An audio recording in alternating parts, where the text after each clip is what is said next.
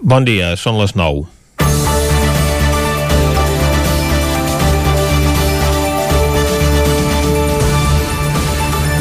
Diuen que la Covid-19 ha mutat i ara es propaga a més velocitat i amb la mateixa velocitat que es propaga s'han estès aquests últims dies també concentracions de protesta en diferents ciutats d'arreu d'Europa. Són concentracions amb diferents característiques però amb un denominador comú. El rebuig ciutadà, les restriccions que imposen els respectius governs i el crit de la desesperació. Els participants en aquestes concentracions presenten perfils molt diversos. Per una part, hi ha les convocades pel sector cultural, rebutjant el tancament indiscriminat de cinemes, teatres o sales de concerts, quan està comprovat que s'obren dits a una mà a l'hora de comptar els brots originats en aquests equipaments a l'estat espanyol.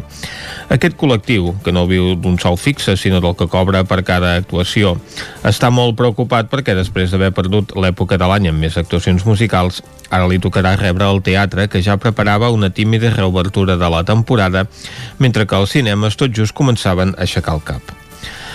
Per altra banda, hi ha uns altres col·lectius que han pogut superar amb moltes dificultats un estat d'alarma, però no dos, com són els del sector de l'oci i la, restaura la restauració. Entre els que protesten també s'hi han vist taxistes, treballadors amb expedients de regulació temporal de feina o ja definitiva, i també afloren els negacionistes de la pandèmia i col·lectius que protesten contra els desnonaments que es duen a terme malgrat aquesta situació, com el que els Mossos d'Esquadra van protagonitzar a Barcelona amb una família amb nens petits que va ser desallotjada de casa seva poc abans de l'entrada en vigor del toc de queda. D'una manera o d'una altra, cada cop són més els que tenen dificultats per arribar a finals de mes perquè han perdut part o tots els seus ingressos però qui ha volgut capitalitzar el descontentament social per treure'n rèdit electoral és l'extrema dreta. I com sempre sol passar a Catalunya, quan l'extrema dreta es mobilitza, els Mossos la situació els agafa desprevinguts, perquè tenen controlats els independentistes, però no els al bàndol contrari. Els aldarulls i saquejos d'establiments que s'han vist aquests dies a Barcelona poc tenen a veure amb la indignació contra les restriccions imposades per evitar contagis.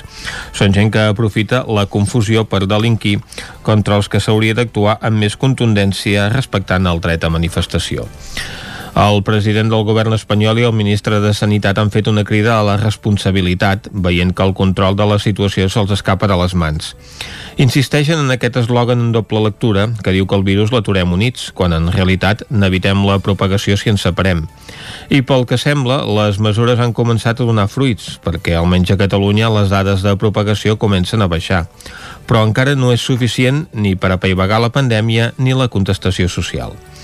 Comencem Territori 17, a la sintonia del 9 FM, Ràdio Cardedeu, la veu de Sant Joan, Ona Corinenca i el 9 TV. Territori 17, amb Vicenç Vigues i Jordi Sunyer.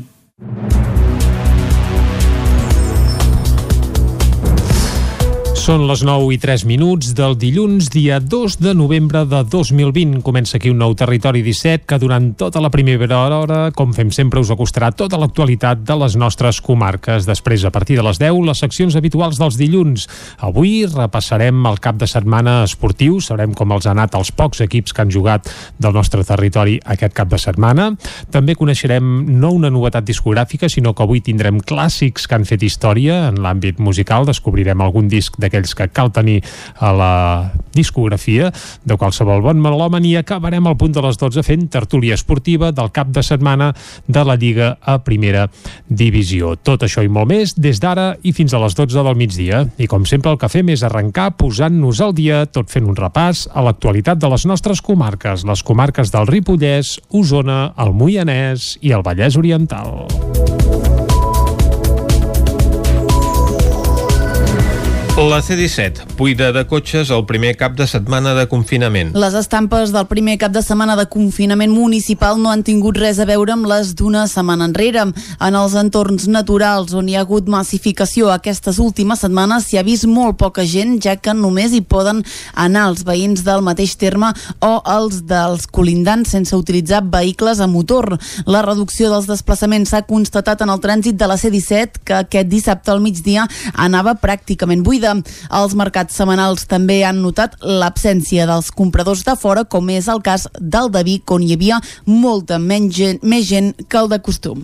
Primer cap de setmana de controls perimetrals per municipi. Un equip de Ràdio Televisió Cardedeu es va unir a un dels controls policials nocturns per conèixer la seva feina. David Oladell, de Ràdio Televisió Cardedeu.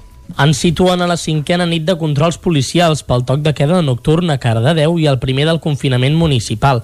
Les sancions són de 600 euros en amunt per tota aquella persona que no respecti els horaris i per totes aquelles sortides del domicili que no estiguin justificades. Les dues primeres nits només va haver dues denúncies, però al llarg de la setmana les actuacions policials han crescut.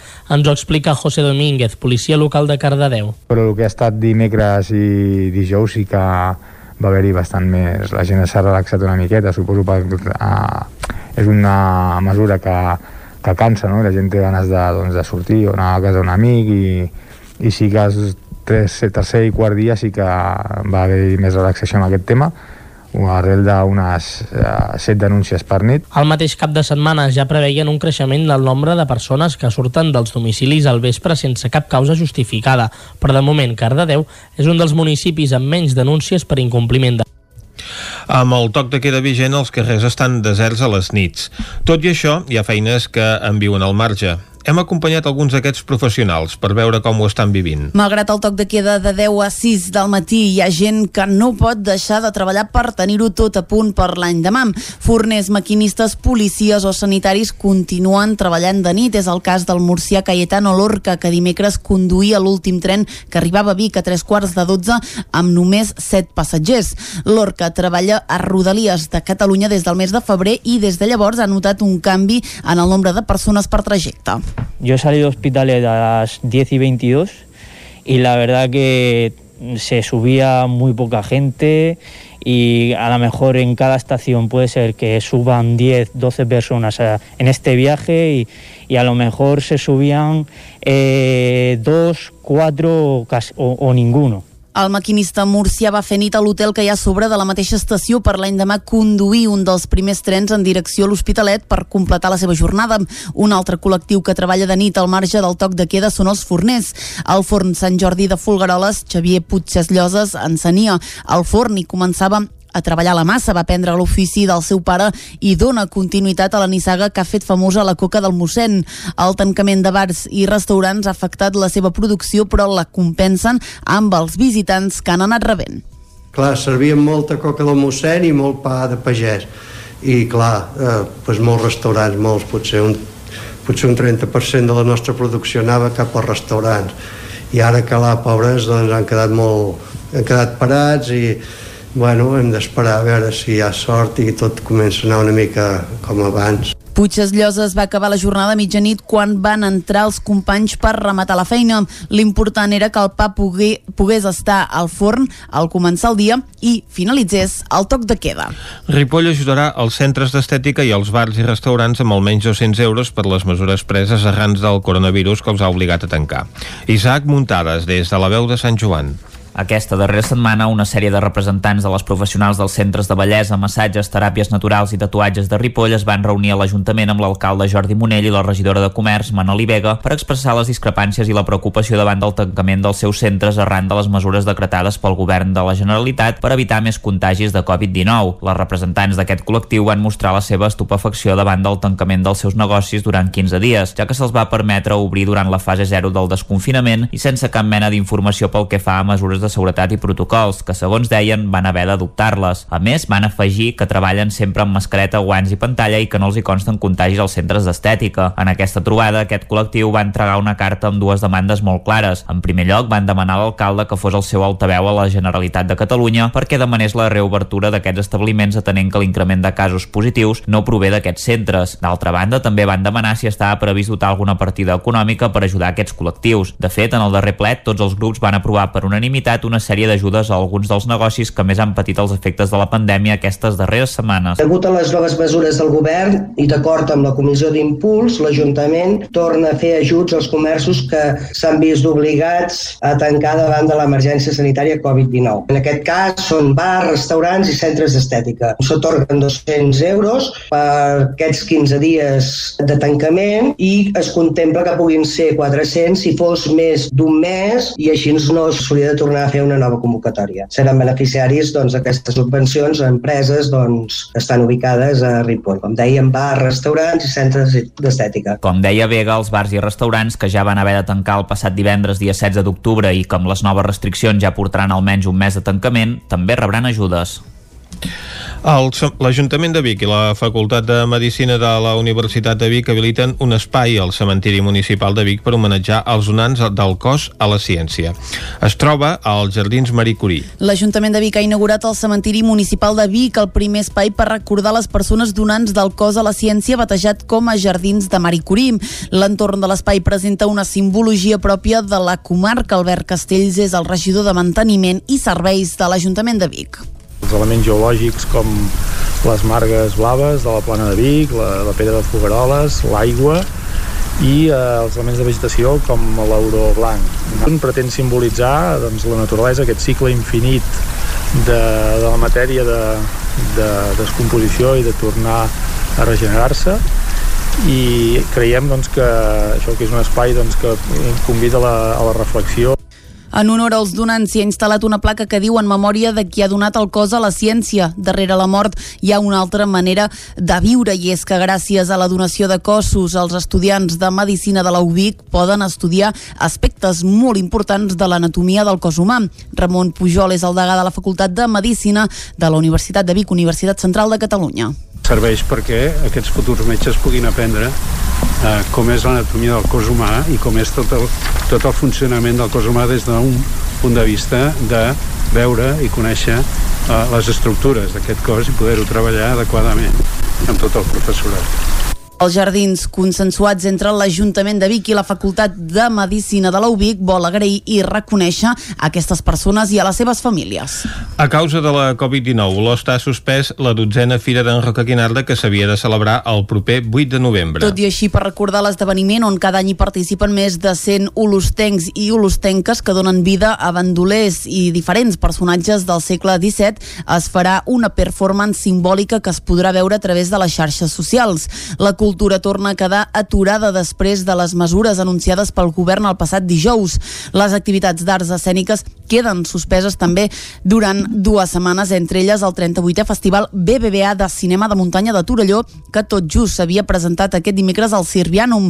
L'edició d'enguany queda ajornada a l'espera de com evolucionen les mesures. En l'edició d'enguany, el certamen havia rebut 126 pel·lícules de 32 països diferents, de les quals 36 es disputaran la Flor de de neu d'or 2020. Georgia, Armènia, Panamà i Egipte són els nous països que tindran presència al festival. Joan Salarí, que és el director del festival BBVA de cinema de muntanya de Torelló de fet mai aquests països havien participat del festival. Sí que hi ha hagut alguns països doncs, que no són habituals però que participen, Nova Zelanda per exemple, o, o, o Eslovènia, que no solen ser habituals, però realment doncs, tingué pel·lícules d'Egipte de, de, o, de, o de Geòrgia doncs, o d'Armènia doncs sí que és, és un fet eh, curiós i de certa manera és un, una manera de veure com el festival doncs, s'està està obrint molt eh, per, per arreu. El certamen mantindrà després de la gran rebuda de la primera edició el Torelló Mountain Wines i el lligam amb la Biblioteca Dos Rius de Torelló amb un programa d'activitats.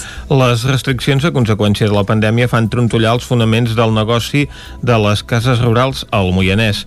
Jordi Givert, des d'Ona Codinenca.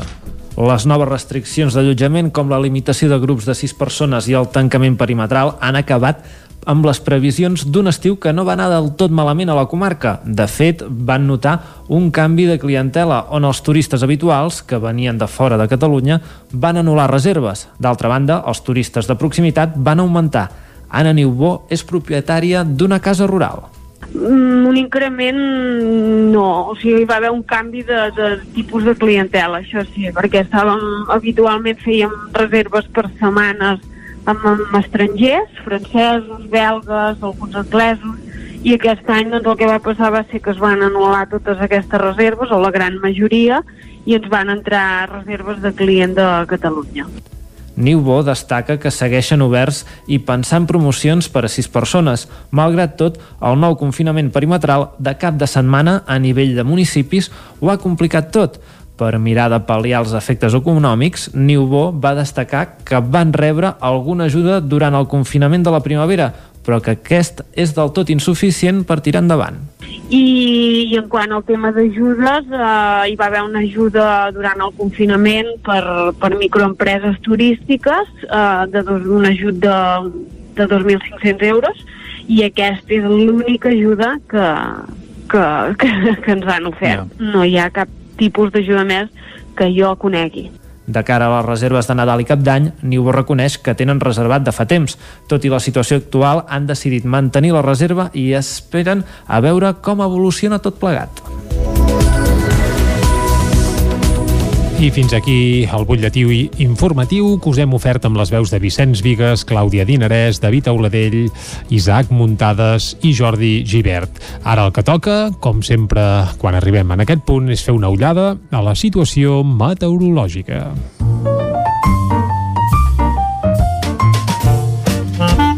Casa Terradellos us ofereix el temps. I per parlar del temps a Territori 17 saludem cada dia el Pep Acosta. Pep. Hola, Ei, bon dia. Bon dia, bon dia. Què tal esteu? Bé. Comencem la primera setmana sencera mm -hmm. d'aquest penúltim mes de l'any de l'any 2020. Mm -hmm. I ho fem després de la festivitat de, de la Sants. Castanyada i de Tots Sants uh, un cap de setmana que ha estat uh, no sé com dir-ho uh, Com més vulguis. propi de finals de setembre, de, de, de mitjans de setembre, Mm -hmm. uh, molt, molt, molt suau, uh, sobretot de dia, amb unes temperatures entre els 20 i els 25 graus a la majoria de les poblacions. A les nits hi ha hagut uh, una mica més de fresca, sobretot les fondalades, uh, molta humitat, però, però bueno, mm, res a veure amb un mes de, de, de finals, amb, una, amb un cap de setmana de finals d'octubre, principis de, de novembre. Han estat molt, molt altes temperatures, eh, fins i tot més altes que l'any passat, ja va ser un, un Tots Sants bastant càlid l'any passat. Mm -hmm. Aquest encara ha estat una mica més càlid, res a veure amb el de fa dos anys, que sí que he mirat dades i aquí sí que va ser, fer, va ser força fred, però aquest, eh, ja dic, eh, que no sé, no va ser realment una cosa bastant, bastant extraordinària. En unes quantes estacions meteorològiques de la Generalitat de Catalunya ahir, en set concretament es va registrar la temperatura més alta eh, que mai s'havia registrat un mes de, de novembre. Per tant, Déu-n'hi-do, déu nhi déu quines temperatures que, que vam tenir ahir. I, i molta inversió tèrmica les temperatures més baixes a les valls i a, que a alta muntanya, alta muntanya molt, molt suaus també. Eh, per tant aquest anticicló ha fet això, eh, que les temperatures siguin molt, molt altes. Però hi ha un canvi eh, hi ha un canvi de tendència meteorològica i és que mica en mica hi ha un front atlàntic que se'ns anirà tirant a sobre. Avui per això encara es notarà. Mm, i a aquesta hora no es nota gens. Les temperatures mínimes també han sigut molt molt suaus. La majoria de valors per sobre dels 10 graus en pocs, en pocs llocs hem baixat d'aquests 10 graus i encara hi ha bastanta humitat eh, hi ha bastant alguna boirina.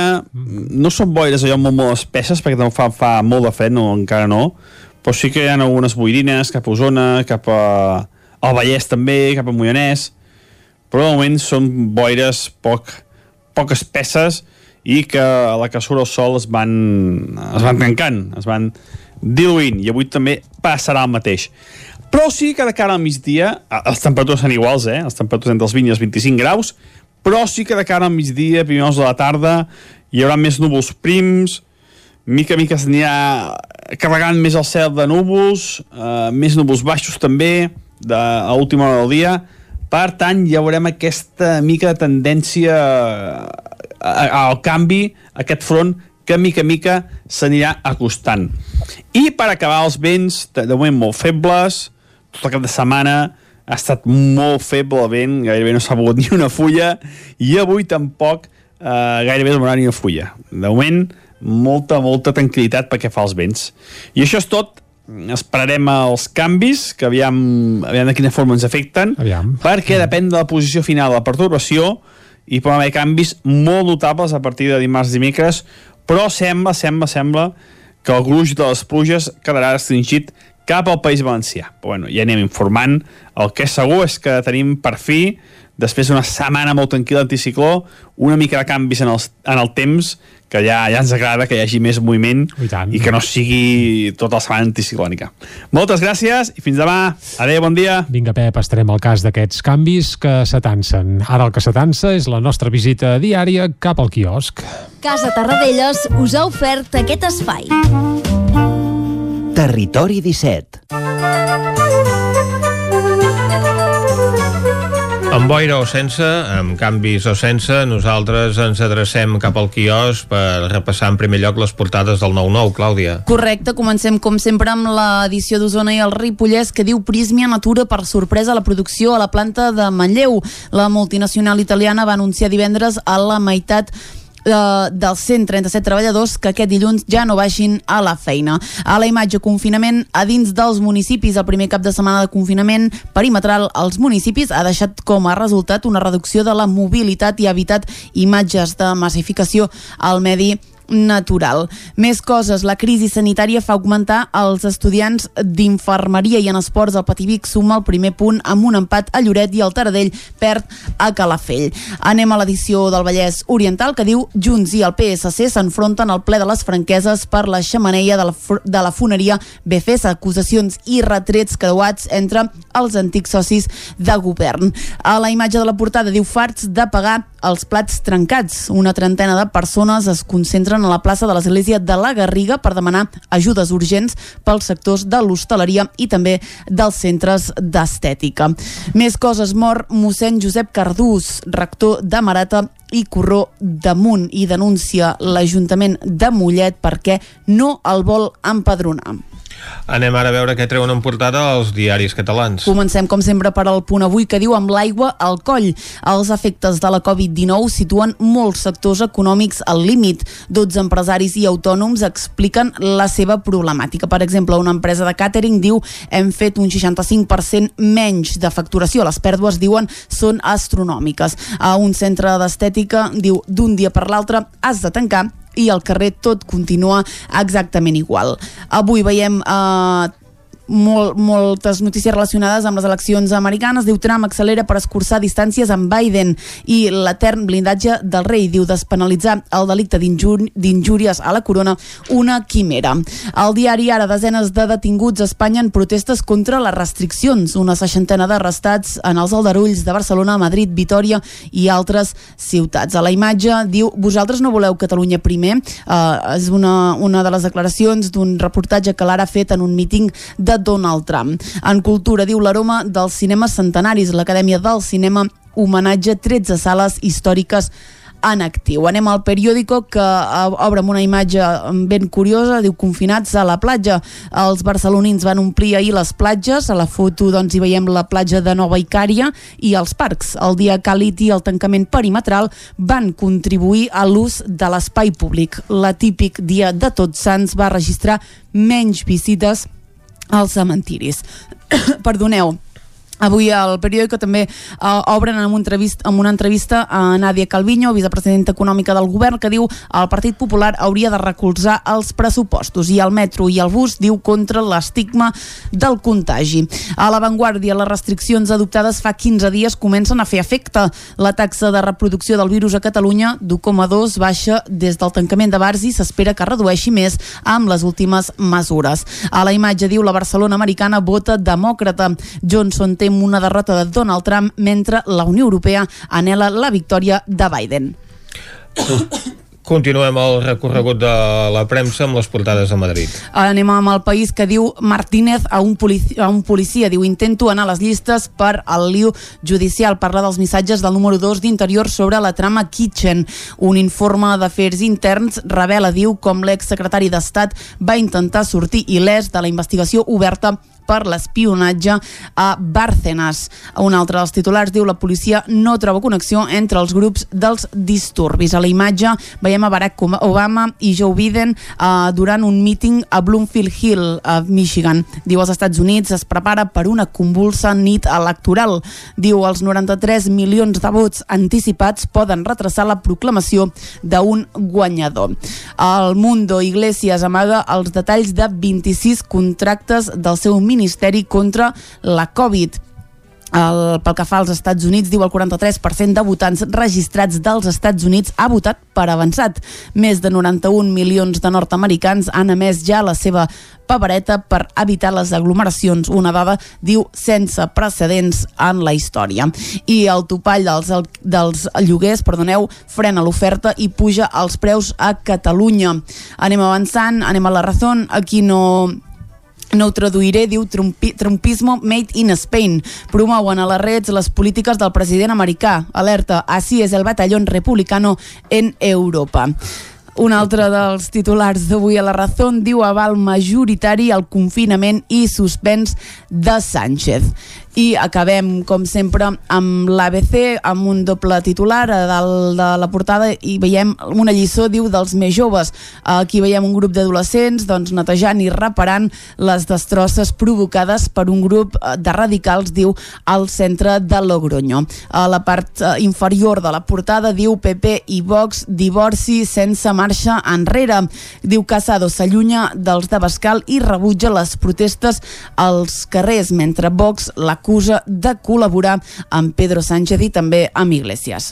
Aquestes protestes al carrer capitalitzades per l'extrema dreta doncs és un dels temes que capitalitza la premsa del dia i aquesta relació que ara ha quedat deteriorada entre el Partit Popular i Vox després de la moció de censura i amb aquestes actuacions al carrer. Però també veiem que les eleccions als Estats Units, les eleccions del primer dimarts després del primer dilluns de novembre, doncs eh, també són temes que estan capitalitzant capitalitzant les portades dels diaris aquests últims dies, així com aquesta imatge espectacular que veiem al periòdico avui de la platja de la Barceloneta, plena de gent per Tots Sants, o el Punt Avui, que és l'únic diari que avui apareix sense una fotografia destacada de portada i amb un titular que diu amb l'aigua al coll. I ara nosaltres el que fem és una pausa i tornem tot seguit.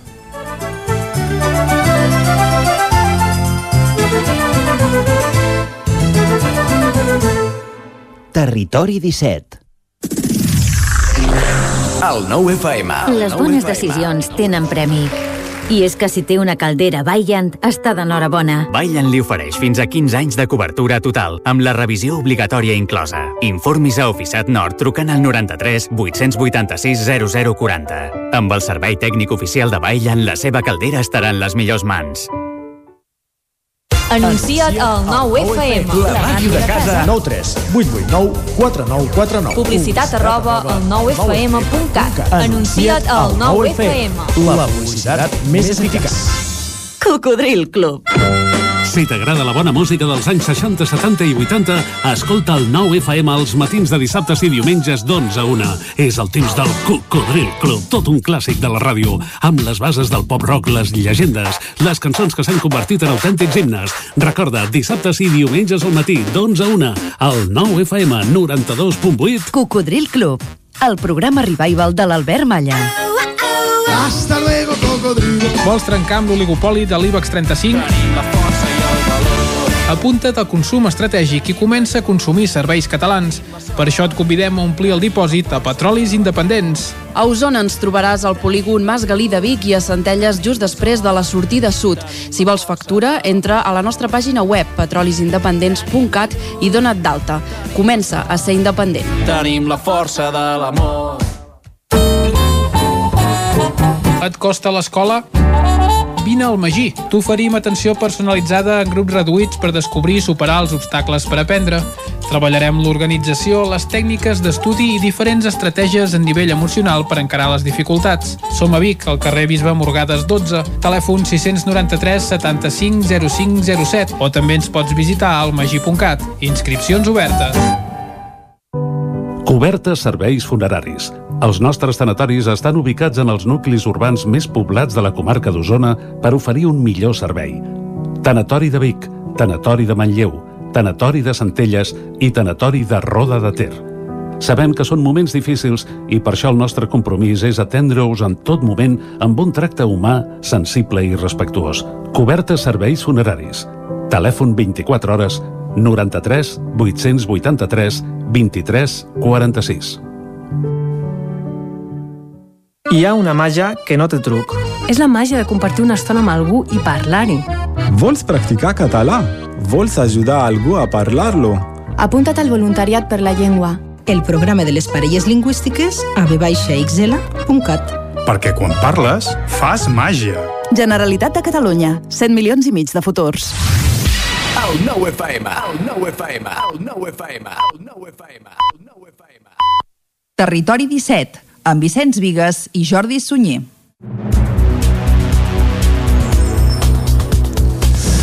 Dos quarts de deu en punt del dilluns, dia 2 de novembre de 2020 i seguim aquí en directe a Territori 17 i ara el que farem és acostar-vos de nou tota l'actualitat de les nostres comarques. Ja ho sabeu, les comarques del Ripollès, Osona, el Moianès i el Vallès Oriental.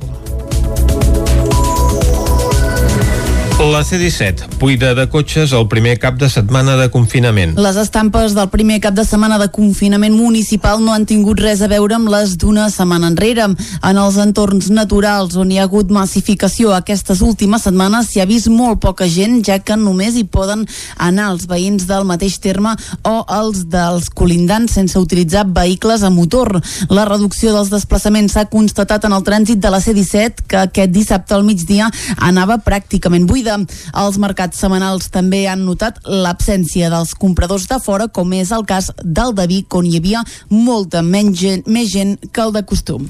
Primer cap de setmana de controls perimetrals per municipi. Un equip de Ràdio Televisió Cardedeu es va unir a un dels controls policials nocturns per conèixer la seva feina. David Oladell, de Ràdio Televisió Cardedeu. Ens situen a la cinquena nit de controls policials pel toc de queda nocturn a Cardedeu i el primer del confinament municipal. Les sancions són de 600 euros en amunt per tota aquella persona que no respecti els horaris i per totes aquelles sortides del domicili que no estiguin justificades. Les dues primeres nits només va haver dues denúncies, però al llarg de la setmana les actuacions policials han crescut. Ens ho explica José Domínguez, policia local de Cardedeu. Però el que ha estat dimecres i dijous sí que va haver-hi bastant més... La gent s'ha relaxat una miqueta, suposo que uh, és una mesura que, que cansa, no? La gent té ganes de, doncs, de sortir o anar a casa d'un amic i, i sí que els tres, tercer i quart dia sí que va haver més relaxació en aquest tema arrel d'unes eh, set denúncies per nit. Al mateix cap de setmana ja preveien un creixement del nombre de persones que surten dels domicilis al vespre sense cap causa justificada, però de moment Cardedeu és un dels municipis amb menys denúncies per incompliment de amb el toc de queda vigent, els carrers estan deserts a les nits. Tot i això, hi ha feines que en viuen al marge. Hem acompanyat alguns d'aquests professionals per veure com ho estan vivint. Malgrat el toc de queda de 10 a 6 del matí, hi ha gent que no pot deixar de treballar per tenir-ho tot a punt per l'any demà. Forners, maquinistes, policies o sanitaris continuen treballant de nit. És el cas del murcià Cayetano Lorca, que dimecres conduïa l'últim tren que arribava a Vic a tres quarts de 12 amb només 7 passatgers. Lorca treballa a Rodalies de Catalunya des del mes de febrer i des de llavors ha notat un canvi en el nombre de persones per trajecte. Yo he salido hospitales a las 10 y 22 y la verdad que se subía muy poca gente y a lo mejor en cada estación puede ser que suban 10, 12 personas en este viaje y, y a lo mejor se subían eh, dos, cuatro o, o ninguno. El maquinista murcià va fer nit a l'hotel que hi ha sobre de la mateixa estació per l'any demà conduir un dels primers trens en direcció a l'Hospitalet per completar la seva jornada. Un altre col·lectiu que treballa de nit al marge del toc de queda són els forners.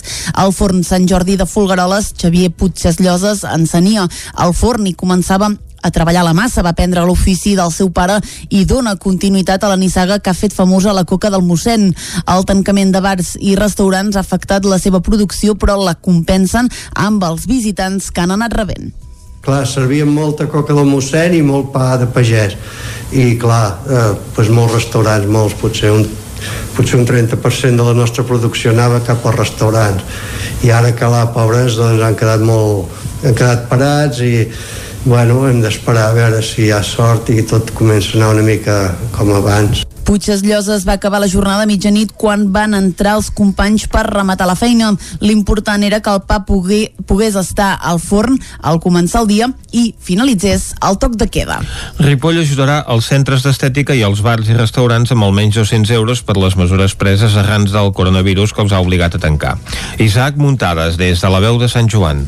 Aquesta darrera setmana, una sèrie de representants de les professionals dels centres de bellesa, massatges, teràpies naturals i tatuatges de Ripoll es van reunir a l'Ajuntament amb l'alcalde Jordi Monell i la regidora de Comerç, Manoli Vega, per expressar les discrepàncies i la preocupació davant del tancament dels seus centres arran de les mesures decretades pel govern de la Generalitat per evitar més contagis de Covid-19. Les representants d'aquest col·lectiu van mostrar la seva estupefacció davant del tancament dels seus negocis durant 15 dies, ja que se'ls va permetre obrir durant la fase 0 del desconfinament i sense cap mena d'informació pel que fa a mesures de seguretat i protocols, que segons deien van haver d'adoptar-les. A més, van afegir que treballen sempre amb mascareta, guants i pantalla i que no els hi consten contagis als centres d'estètica. En aquesta trobada, aquest col·lectiu va entregar una carta amb dues demandes molt clares. En primer lloc, van demanar a l'alcalde que fos el seu altaveu a la Generalitat de Catalunya perquè demanés la reobertura d'aquests establiments atenent que l'increment de casos positius no prové d'aquests centres. D'altra banda, també van demanar si estava previst dotar alguna partida econòmica per ajudar aquests col·lectius. De fet, en el darrer plet, tots els grups van aprovar per unanimitat limitat una sèrie d'ajudes a alguns dels negocis que més han patit els efectes de la pandèmia aquestes darreres setmanes. Degut a les noves mesures del govern i d'acord amb la Comissió d'Impuls, l'Ajuntament torna a fer ajuts als comerços que s'han vist obligats a tancar davant de l'emergència sanitària Covid-19. En aquest cas són bars, restaurants i centres d'estètica. S'otorguen 200 euros per aquests 15 dies de tancament i es contempla que puguin ser 400 si fos més d'un mes i així no s'hauria de tornar tornar a fer una nova convocatòria. Seran beneficiaris doncs, aquestes subvencions a empreses doncs, que estan ubicades a Ripoll. Com dèiem, bars, restaurants i centres d'estètica. Com deia Vega, els bars i restaurants que ja van haver de tancar el passat divendres dia 16 d'octubre i amb les noves restriccions ja portaran almenys un mes de tancament, també rebran ajudes. L'Ajuntament de Vic i la Facultat de Medicina de la Universitat de Vic habiliten un espai al cementiri municipal de Vic per homenatjar els donants del cos a la ciència. Es troba als Jardins Marie Curie. L'Ajuntament de Vic ha inaugurat el cementiri municipal de Vic, el primer espai per recordar les persones donants del cos a la ciència batejat com a Jardins de Marie Curie. L'entorn de l'espai presenta una simbologia pròpia de la comarca. Albert Castells és el regidor de manteniment i serveis de l'Ajuntament de Vic els elements geològics com les margues blaves de la plana de Vic, la, la pedra de Fogaroles, l'aigua i eh, els elements de vegetació com l'auró blanc. Un pretén simbolitzar doncs, la naturalesa, aquest cicle infinit de, de la matèria de, de descomposició i de tornar a regenerar-se i creiem doncs, que això que és un espai doncs, que convida la, a la reflexió en honor als donants s'hi ha instal·lat una placa que diu en memòria de qui ha donat el cos a la ciència. Darrere la mort hi ha una altra manera de viure i és que gràcies a la donació de cossos els estudiants de Medicina de la UBIC poden estudiar aspectes molt importants de l'anatomia del cos humà. Ramon Pujol és el degà de la Facultat de Medicina de la Universitat de Vic, Universitat Central de Catalunya serveix perquè aquests futurs metges puguin aprendre eh, com és l'anatomia del cos humà i com és tot el, tot el funcionament del cos humà des d'un punt de vista de veure i conèixer eh, les estructures d'aquest cos i poder-ho treballar adequadament amb tot el professorat. Els jardins consensuats entre l'Ajuntament de Vic i la Facultat de Medicina de la UBIC vol agrair i reconèixer aquestes persones i a les seves famílies. A causa de la Covid-19, l'OST ha suspès la dotzena Fira d'en Roca Guinarda que s'havia de celebrar el proper 8 de novembre. Tot i així, per recordar l'esdeveniment on cada any hi participen més de 100 olostencs i olostenques que donen vida a bandolers i diferents personatges del segle XVII, es farà una performance simbòlica que es podrà veure a través de les xarxes socials.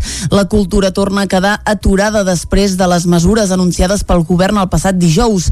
Les activitats d'arts escèniques queden suspeses també durant dues setmanes, entre elles el 38è Festival BBVA de Cinema de Muntanya de Torelló, que tot just s'havia presentat aquest dimecres al Sirvianum. L'edició d'enguany queda ajornada a l'espera de com evolucionen les mesures. En l'edició d'enguany, el certamen havia rebut 126 pel·lícules de 32 països diferents, de les quals 36 es disputaran la flor de neu d'or 2020. Georgia, Armènia, Panamà i Egipte són els nous països que tindran presència al festival. Joan Salaric és el director del festival BBVA de cinema de muntanya de Torelló de fet mai aquests països havien participat del festival sí que hi ha hagut alguns països doncs, que no són habituals però que participen Nova Zelanda per exemple o, o, o Eslovènia que no solen ser habituals però realment doncs, tingué pel·lícules d'Egipte de, de, o, de, o de Geòrgia doncs, o d'Armènia doncs sí que és, és un fet eh, curiós i de certa manera és un, una manera de veure com el festival doncs, s'està obrint molt eh, per, per arreu. El certamen mantindrà després de la gran rebuda de la primera edició el Torelló Mountain Wines i el lligam amb la Biblioteca Dos Rius de Torelló amb un programa d'activitats. Les restriccions a conseqüència de la pandèmia fan trontollar els fonaments del negoci de les cases rurals al Moianès. Jordi Givert, des d'Ona Codinenca. Les noves restriccions d'allotjament, com la limitació de grups de sis persones i el tancament perimetral, han acabat amb les previsions d'un estiu que no va anar del tot malament a la comarca. De fet, van notar un canvi de clientela on els turistes habituals, que venien de fora de Catalunya, van anul·lar reserves. D'altra banda, els turistes de proximitat van augmentar. Anna Niubó és propietària d'una casa rural. Mm, un increment no, o sigui, va haver un canvi de, de tipus de clientela, això sí, perquè estàvem, habitualment fèiem reserves per setmanes amb, amb estrangers, francesos, belgues, alguns anglesos, i aquest any doncs, el que va passar va ser que es van anul·lar totes aquestes reserves, o la gran majoria, i ens van entrar reserves de client de Catalunya.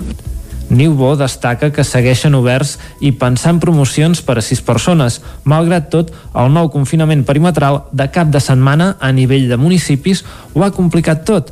Per mirar de pal·liar els efectes econòmics, Niubó va destacar que van rebre alguna ajuda durant el confinament de la primavera, però que aquest és del tot insuficient per tirar endavant.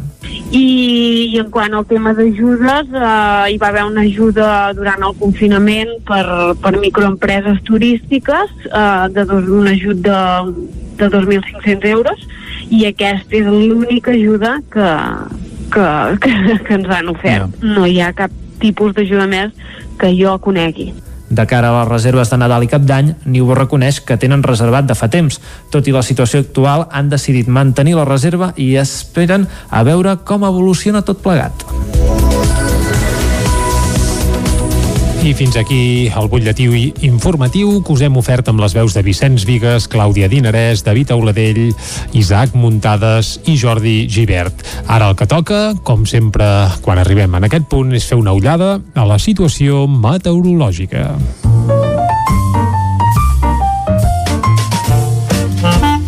Casa Terradellos us ofereix el temps. I per parlar del temps a Territori 17 saludem cada dia el Pep Acosta. Pep. Hola, Ei, bon dia. Bon dia, bon dia. Què tal esteu? Bé. Comencem la primera setmana sencera Mhm. -huh. d'aquest penúltim mes de l'any 2020. Uh Mhm. -huh. I ho fem després de la festivitat de, De la Sants. Castanyada i de Tots Sants uh, un cap de setmana que ha estat uh, no sé com dir-ho uh, Com més vulguis. propi de finals de setembre, de, de, de mitjans de setembre, Uh -huh. uh, molt, molt, molt suau, uh, sobretot de dia, amb unes temperatures entre els 20 i els 25 graus a la majoria de les nostres poblacions.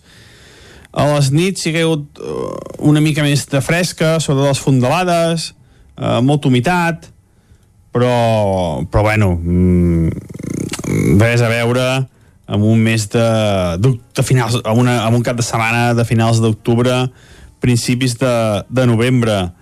Han estat molt, molt altes temperatures, eh, fins i tot més altes que l'any passat, ja va ser un, un Tots Sants bastant càlid l'any passat. Uh -huh. Aquest encara ha estat una mica més càlid, res a veure amb el de fa dos anys, que sí que he mirat dades i aquí sí que va ser, fer, va ser força fred, però aquest, eh, ja dic, eh, que no sé, no va ser realment una cosa bastant, bastant extraordinària.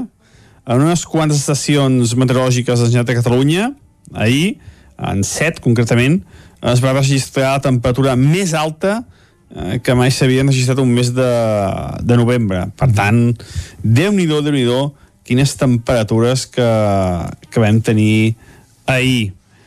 I, i molta inversió tèrmica. Les temperatures més baixes a les valls i a, que a alta muntanya alta muntanya molt molt suaus també. Eh, per tant aquest anticicló ha fet això eh, que les temperatures siguin molt molt altes.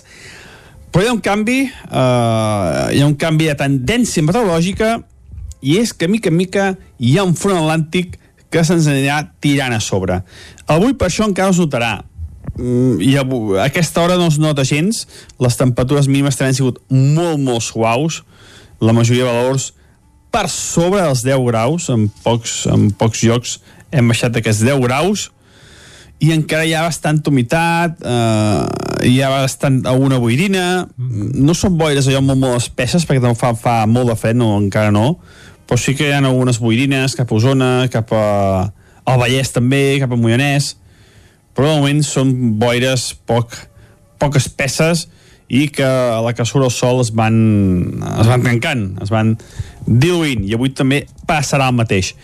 Però sí que de cara al migdia, les temperatures són iguals, eh? les temperatures entre els 20 i els 25 graus, però sí que de cara al migdia, primers de la tarda, hi haurà més núvols prims, mica a mica s'anirà carregant més el cel de núvols, eh, més núvols baixos també, de, a última hora del dia, per tant, ja veurem aquesta mica de tendència al canvi, aquest front que mica mica s'anirà acostant.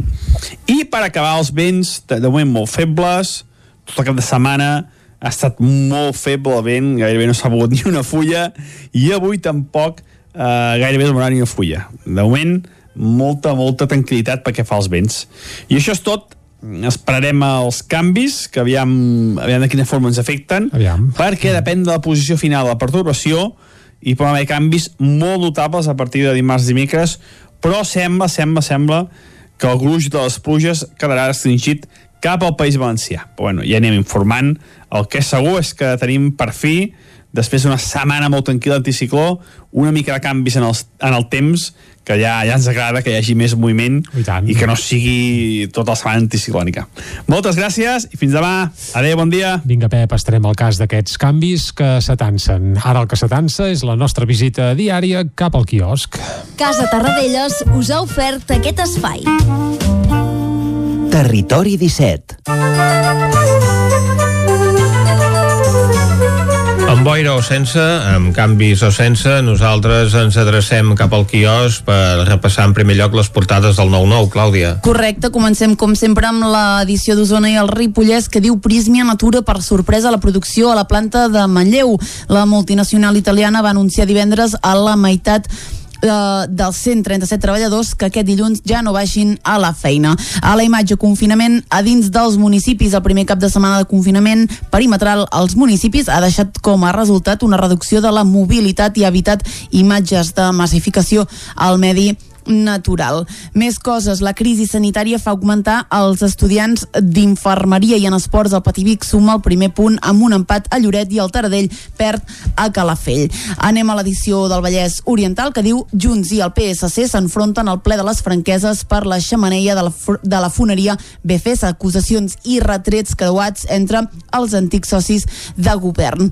A la imatge de la portada diu farts de pagar els plats trencats. Una trentena de persones es concentren a la plaça de l'Església de la Garriga per demanar ajudes urgents pels sectors de l'hostaleria i també dels centres d'estètica. Més coses, mor mossèn Josep Cardús, rector de Marata i Corró damunt i denuncia l'Ajuntament de Mollet perquè no el vol empadronar.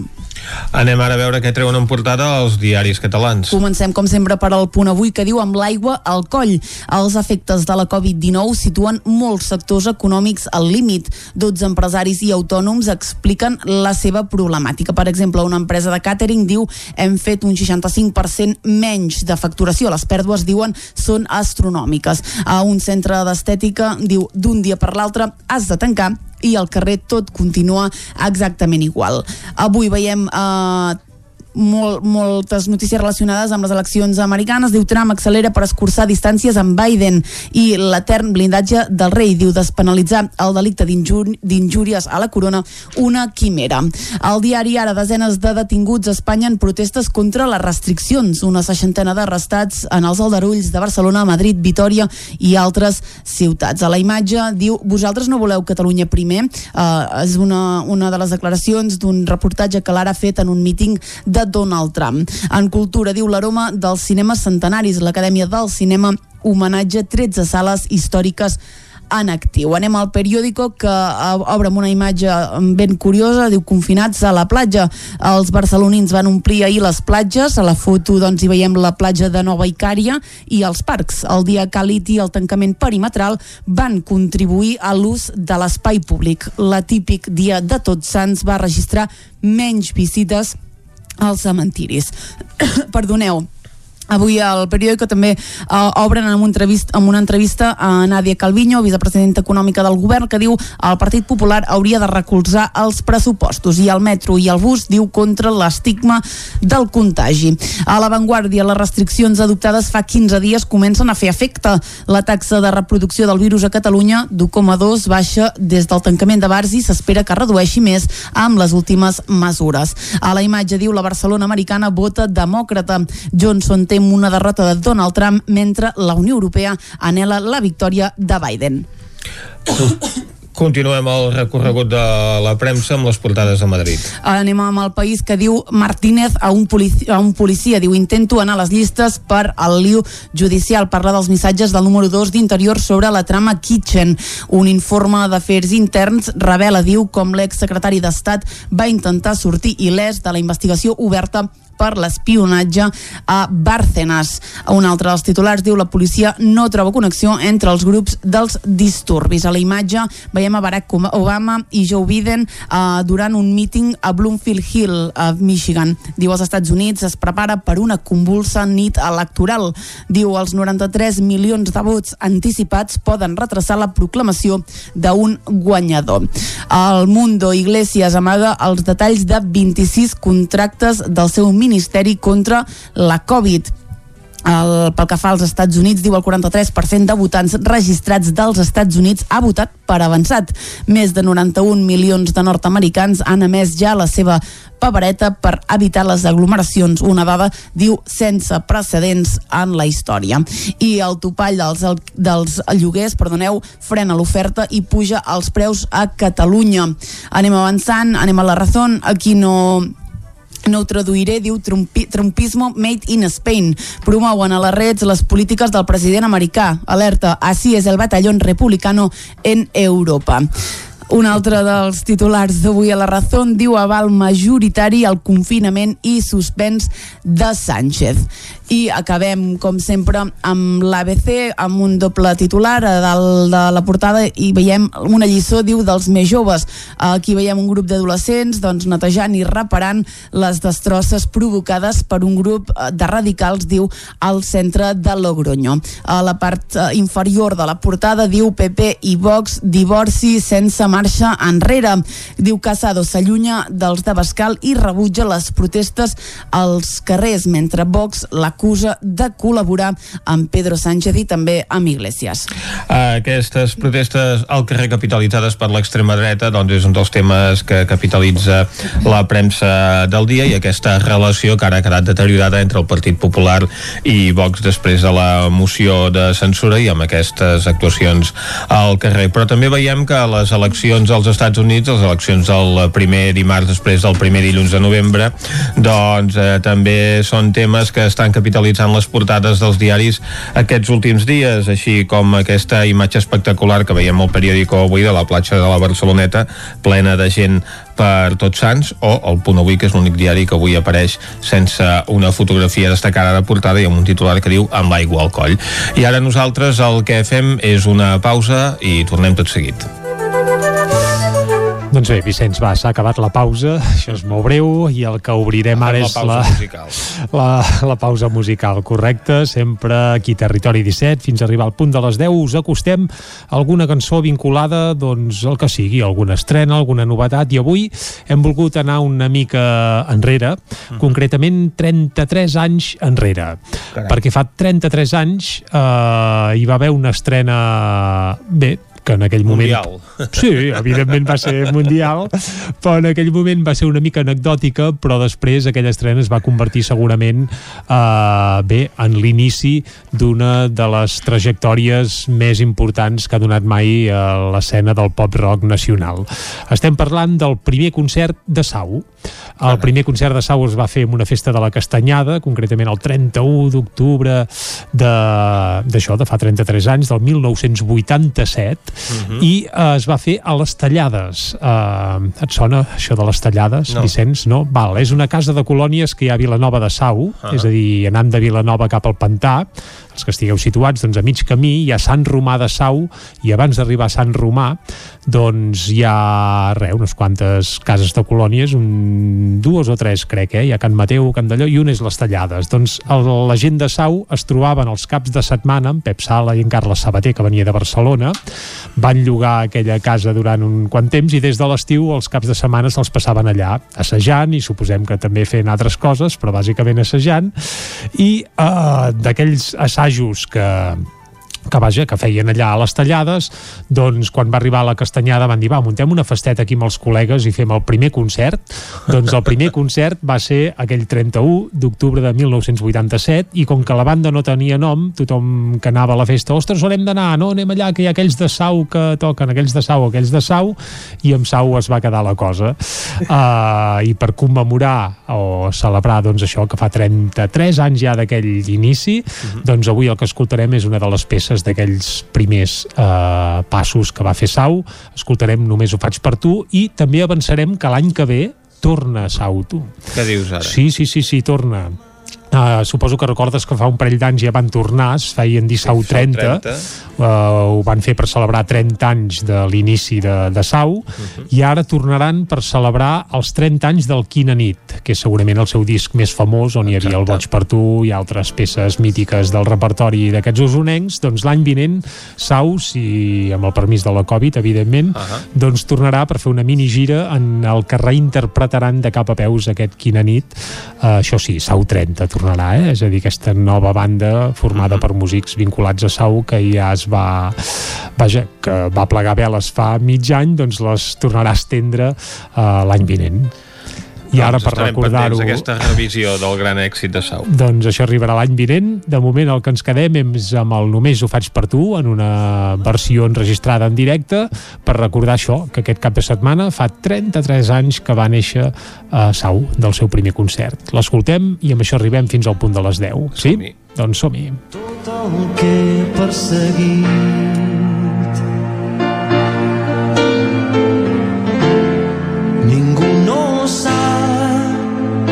en quina nit escollida sent ampolles vaig buidar però avui estic aquí. Només ho faig per tu. Ara que tinc aquí al meu davant Només ho faig per tu Ara que estàs aquí al meu costat Només ho faig per tu. Que m'escoltes callada en silenci Només ho faig per tu. Ara que estàs aquí al meu davant Només ho faig per tu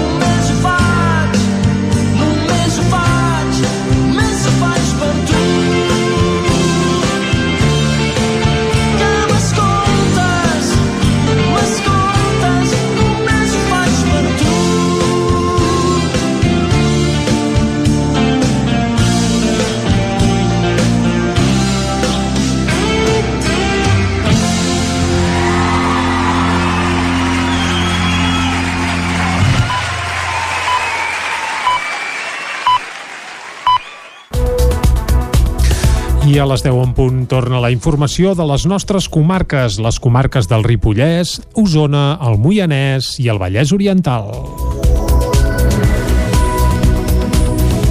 Dos ferits en un accident de trànsit entre Manlleu i Torelló.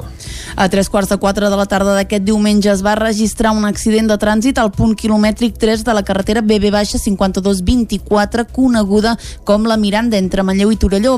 Segons les primeres informacions de trànsit, en l'accident s'hi hauria vist implicat un únic vehicle que hauria patit una sortida de via. Pel que fa als ferits i segons va informar trànsit, el passatger davanter va resultar ferit greu i va ser traslladat amb helicòpter a l'Hospital Parc Taulí de Sabadell. Pel que fa al conductor, el diagnòstic dels serveis d'emergència va ser de ferit menys greu i va ser traslladat en ambulància a l'Hospital Universitari de Vic. En el sinistre hi van participar tres patrulles dels Mossos d'Esquadra, dues ambulàncies i es va activar l'helicòpter del SEM. Ripoll aprova el pla d'intervenció comunitària envers les identitats socials amb les crítiques de l'exregidora del Front Nacional, Sílvia Oriols. Isaac Muntades, des de la veu de Sant Joan.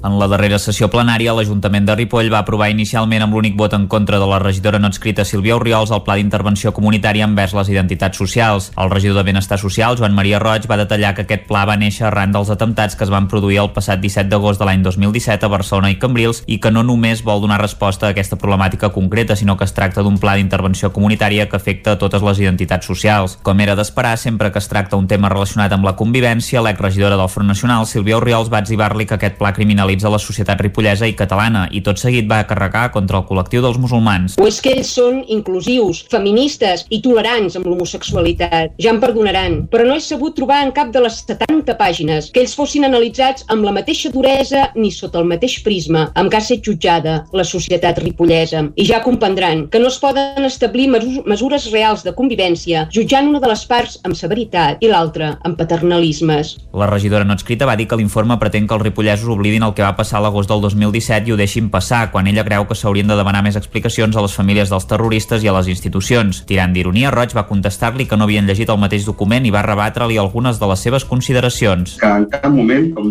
vostè afirma, que eh, es dona la culpa a la societat ripollesa del que va passar o del que es va generar en els atemptats. I tampoc penso que en cap moment, en cap moment, es pretén que els ripollesos empatitzem amb el fonamentalisme islàmic o en qualsevol ideologia que el que faci és és defensar eh, la, la violència. Crec que nosaltres, des d'aquest des d'aquest Ajuntament, tant a nivell col·lectiu com a nivell individual, tots els que el formem, hem mostrat sempre de manera clara i inequívoca el rebuig a qualsevol tipus de violència. Roig també va dir que aquest document no diu el que s'ha de fer, sinó que únicament estableix una metodologia de treball. El regidor de l'Alternativa per Ripoll, CUP, Aitor Carmona, va valorar molt positivament aquest pla i va remarcar la necessitat de tenir una xarxa antirumors per combatre les mentides, l'odi i la xenofòbia. Sant Pere de Torelló promou la revisió del nombre d'empadronats empadronats a cada casa perquè paguin menys aigua. Sant Pere promou la revisió del nombre de persones empadronades als habitatges perquè això pugui revertir en una reducció del cànon de l'aigua en les factures dels veïns.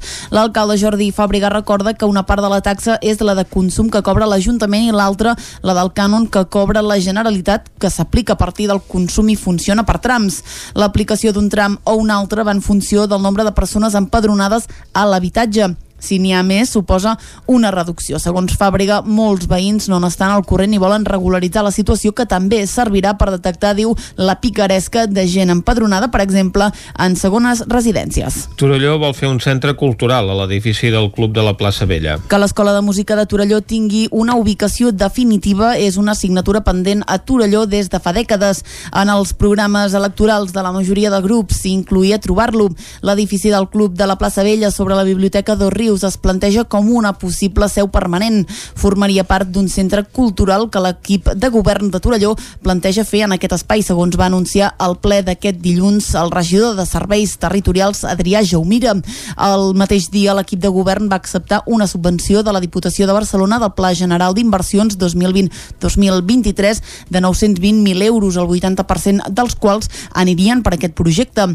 La proposta planteja situar el centre cultural a l'entorn del club que encabiria l'Escola d'Arts Plàstiques i els annexos a aquestes activitats com sales de creació d'assaig, un auditori i un espai polivalent. A prop d'aquest edifici, a la caseta del jardiner dels Jardins Vicenç Pujol, hi plantejarien un Ateneu i finalment a les dependències municipals de la placeta Jacint Verdaguer una sala d'exposicions.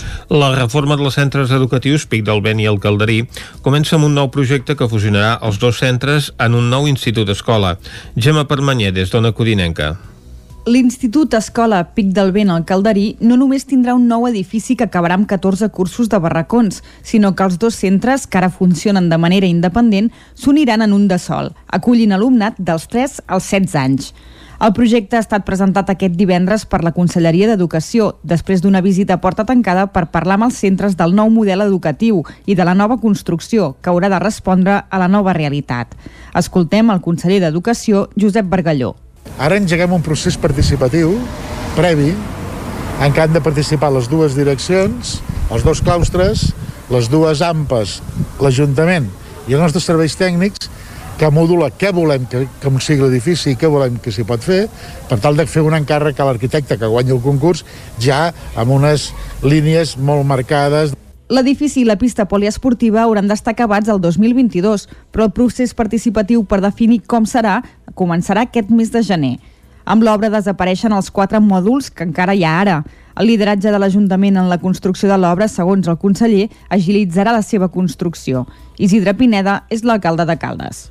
L'Ajuntament destina el 15% del total de la construcció, el 85% restant l'aporta a la Generalitat de, de Catalunya, el Departament d'Educació, però el crèdit inicial, el pressupost, el demana l'Ajuntament. Per tant, ens fem eh, responsables de liderar l'obra mentre avanci el projecte constructiu, el projecte pedagògic d'unió dels dos centres també es treballarà paral·lelament i les dues direccions afirmen que ja han començat alumnes de la Universitat de Vic innoven amb una moto de competició elèctrica. Amb el nom d'Hermon Racing Team, un grup de nou estudiants del grau en Enginyeria de l'Automoció de la UBIC, situat a Granollers, han encetat un projecte de producció d'una moto de competició elèctrica que participarà a la Barcelona Smart Moto Challenge que es farà l'agost del 2021 al circuit de Parc Motor Castellolí. Per tirar endavant el projecte que parteix de zero a l'equip els ha suposat mantenir relació amb empreses del sector per buscar finançament i patrocini patrocinis, però encara en faran falta més i per això han obert una campanya de micromecenatge a través de la plataforma GoFundMe, on es pot fer una donació tenen un pressupost de 12.000 euros i han rebut ja donacions de fins a 1.345 euros. Les despeses més importants a què s'afronten són la part elèctrica de la moto, el xassis o el carregador per la bateria de motor.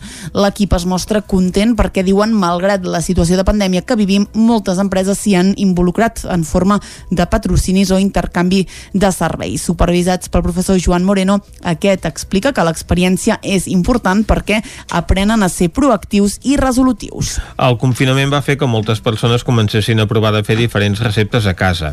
Els panellers ja són de per si un producte que s'acostumen a fer a moltes llars. Com afecta això les pastisseries ara en confinament? En té les respostes David Auladell, des de Ràdio Televisió Cardedeu. L'Àlex Lera va començar el negoci familiar de la pastisseria Sant Lleí i ara, just fa un any, va decidir obrir una pastisseria a Cardedeu intenten treballar sempre en producte fresc. Per exemple, per fer panellets fan el massapà una setmana abans, el refinen fins a tres vegades i el deixen reposar entre 24 i 48 hores abans de donar-li forma. A més, cada any busquen fer algun panellet diferent, enguany un de xocolata amb diferents textures. Aquest any fer les previsions de quants panellets fer ha sigut complicat i més si durant el cap de setmana la gent no es podia moure del municipi per venir a comprar-ne i potser aquest confinament perimetral fa també que moltes persones decideixin fer els panellets a casa en comptes de sortir a comprar-los. Àlex Lera, de la pastisseria Sant Lleí. Jo penso que és, és interessant que la gent es faci les coses a casa perquè així veu la feina que porta. Uh, a nosaltres no ens fa res que ens comprin el, el sucre, que ens comprin l'ametlla, perquè ens trobem que, que ens en compren i que cap, cap mena de problema. Al final, la pastisseria està bé compartir-la a casa, compartir-la amb la gent que més estimes, perquè al final és una estona divertida que, que passes també. La pastisseria Sant Lleí porta 37 anys a Sant Antoni de Vilamajor i tot just una Cardedeu, on s'ha regalat als compradors un bombó de xocolata en forma de castell.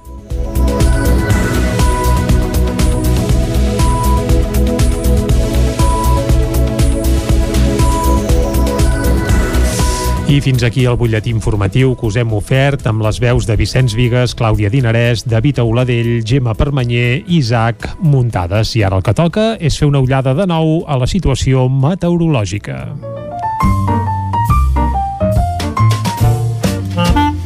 Casa Terradellos us ofereix el temps. I per saber el temps que ens espera tant per avui com sobretot sembla que a partir de demà i demà passat, que pot ser que canvi alguna cosa, el que fem és saludar de seguida el Pep Acosta. Bon dia, Pep. Hola, bon dia. Bon dia i bona hi ha un hora. Mhm. canvi de tendència meteorològica uh -huh. i és que mica en mica hi ha un front atlàntic que se'ns anirà tirant a sobre. Avui per això encara es notarà. Mm, I a aquesta hora no es nota gens. Les temperatures mínimes també han sigut molt, molt suaus. La majoria de valors per sobre dels 10 graus. En pocs, en pocs llocs hem baixat aquests 10 graus i encara hi ha bastanta humitat, eh, hi ha bastant alguna boirina, no són boires allò molt, molt espesses, perquè també fa, fa molt de fred, no, encara no, però sí que hi ha algunes boirines cap a Osona, cap a, al Vallès també, cap a Moianès, però de moment són boires poc, poc espesses i que a la que surt el sol es van, es van tancant, es van diluint, i avui també passarà el mateix. Però sí que de cara al migdia, les temperatures són iguals, eh? Les temperatures entre els 20 i els 25 graus, però sí que de cara al migdia, primers de la tarda, hi haurà més núvols prims, uh -huh. mica a mica s'anirà carregant més el cel de núvols, eh, més núvols baixos també, de, a última hora del dia, per tant, ja veurem aquesta mica de tendència al canvi, aquest front que mica mica s'anirà acostant. I per acabar els vents, de, moment molt febles, tot el cap de setmana ha estat molt feble el vent, gairebé no s'ha mogut ni una fulla, i avui tampoc eh, gairebé no ni una fulla. De moment, molta, molta tranquil·litat perquè fa els vents. I això és tot, esperarem els canvis, que aviam, aviam de quina forma ens afecten, aviam, aviam. perquè depèn de la posició final de la perturbació, uh -huh. i poden haver canvis molt notables a partir de dimarts i dimecres, però sembla, sembla, sembla que el gruix de les pluges quedarà restringit cap al País Valencià. Però bueno, ja anem informant. El que és segur és que tenim per fi, després d'una setmana molt tranquil·la anticicló, una mica de canvis en el, en el temps, que ja, ja ens agrada que hi hagi més moviment Sí, a tu i que no sigui tota la setmana anticiclònica. Moltes gràcies i fins demà. Adéu, bon dia. Vinga, Pep, uh, que vagi bé i fins demà. Vicenç, el tenim content, en Pep, eh? S'acosten canvis. Ah, exacte, que és el que li agrada. Sí, Va, i el que s'acosta ara és l'entrevista. Un parèntesi de 20 segons i ens hi capbussem. Anem-hi. Casa Tarradellas us ha ofert aquest espai.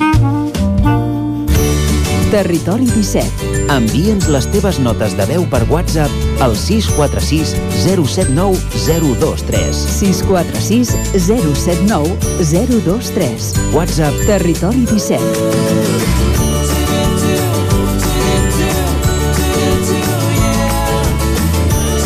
Territori 17.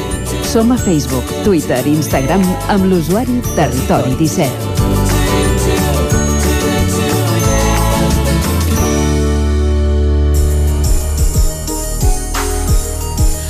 Falta un minut i mig per un quart d'onze. El Consorci Hospitalari de Vic vol reduir aquest any les proves radiològiques que reben els seus pacients a les estrictament necessàries per tal d'evitar sotmetre'ls a les conseqüències de les radiacions, si no és imprescindible. La mesura es pren en el marc d'un projecte de la Societat Europea de Radiologia que vol incidir en si les proves radiològiques com TAC o ressonàncies magnètiques estan prou justificades. La gestora del projecte, el Consorci Hospitalari de Vic, és Marta Serrallonga, metgessa del Servei de Diagnòstic per la Imatge i professora de la Facultat de Medicina de la Universitat de Vic. Bon dia, Marta. Hola, bon dia. En els últims anys, la tecnologia ens permet fer molts diagnòstics a través de ressonàncies magnètiques, d'atacs, però realment estan sempre justificades aquestes proves? Doncs la veritat és que mm, m'agradaria, abans de respondre això, eh, explicar el per què s'ha arribat a aquest punt. Uh -huh. La nostra especialitat, la radiologia, el diagnòstic per la imatge o radiodiagnòstic, um, és jove, és una especialitat jove. De fet, eh, només fa 125 anys que es van descobrir els rajos X. Uh -huh. i la gent d'una certa edat recordarà que fa uns anys ni existia el TAC, ni existia la ressonància i com tota la tecnologia i com tota la vida ens hi hem acostumat molt ràpidament. Què ha passat?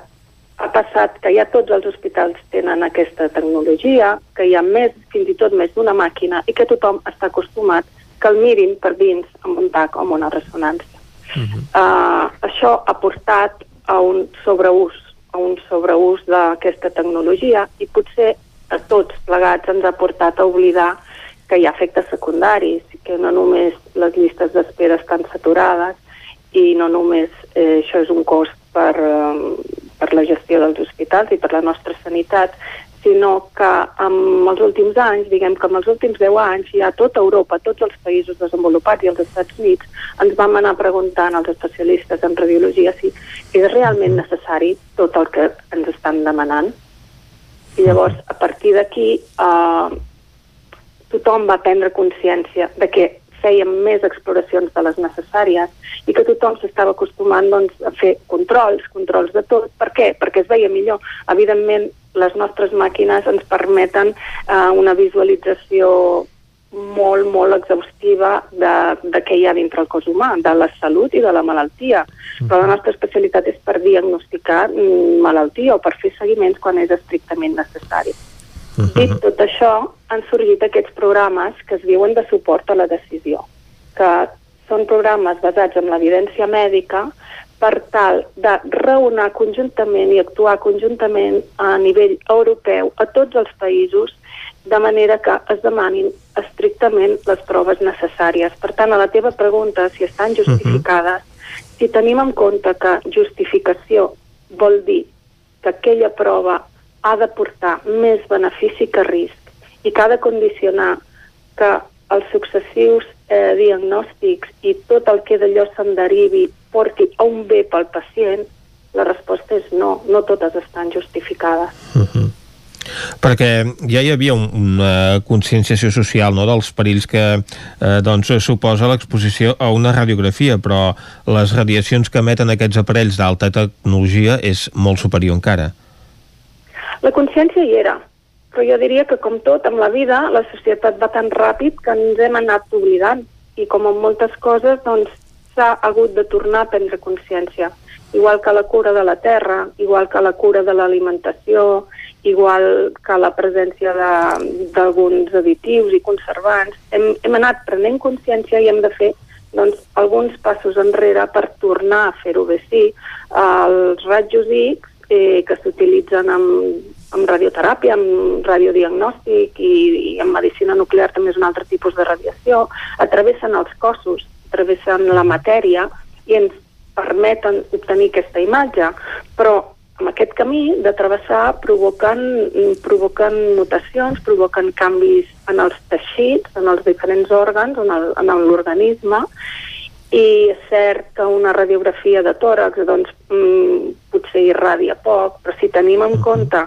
tac de tòrax que no estigui indicat eh, conté la radiació de 250 radiografies de, de, de tòrax, de pulmons, o un tac d'abdomen, que a vegades estan en contrast, eh, conté la radiació de, de, dues, de més de 500 radiografies de tòrax.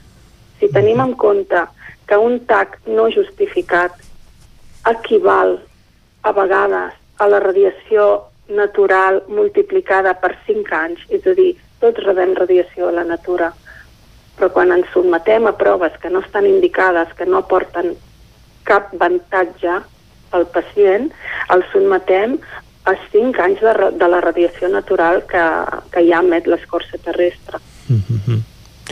I, i uh, aquesta radiació quines conseqüències pot tenir en la salut de les persones?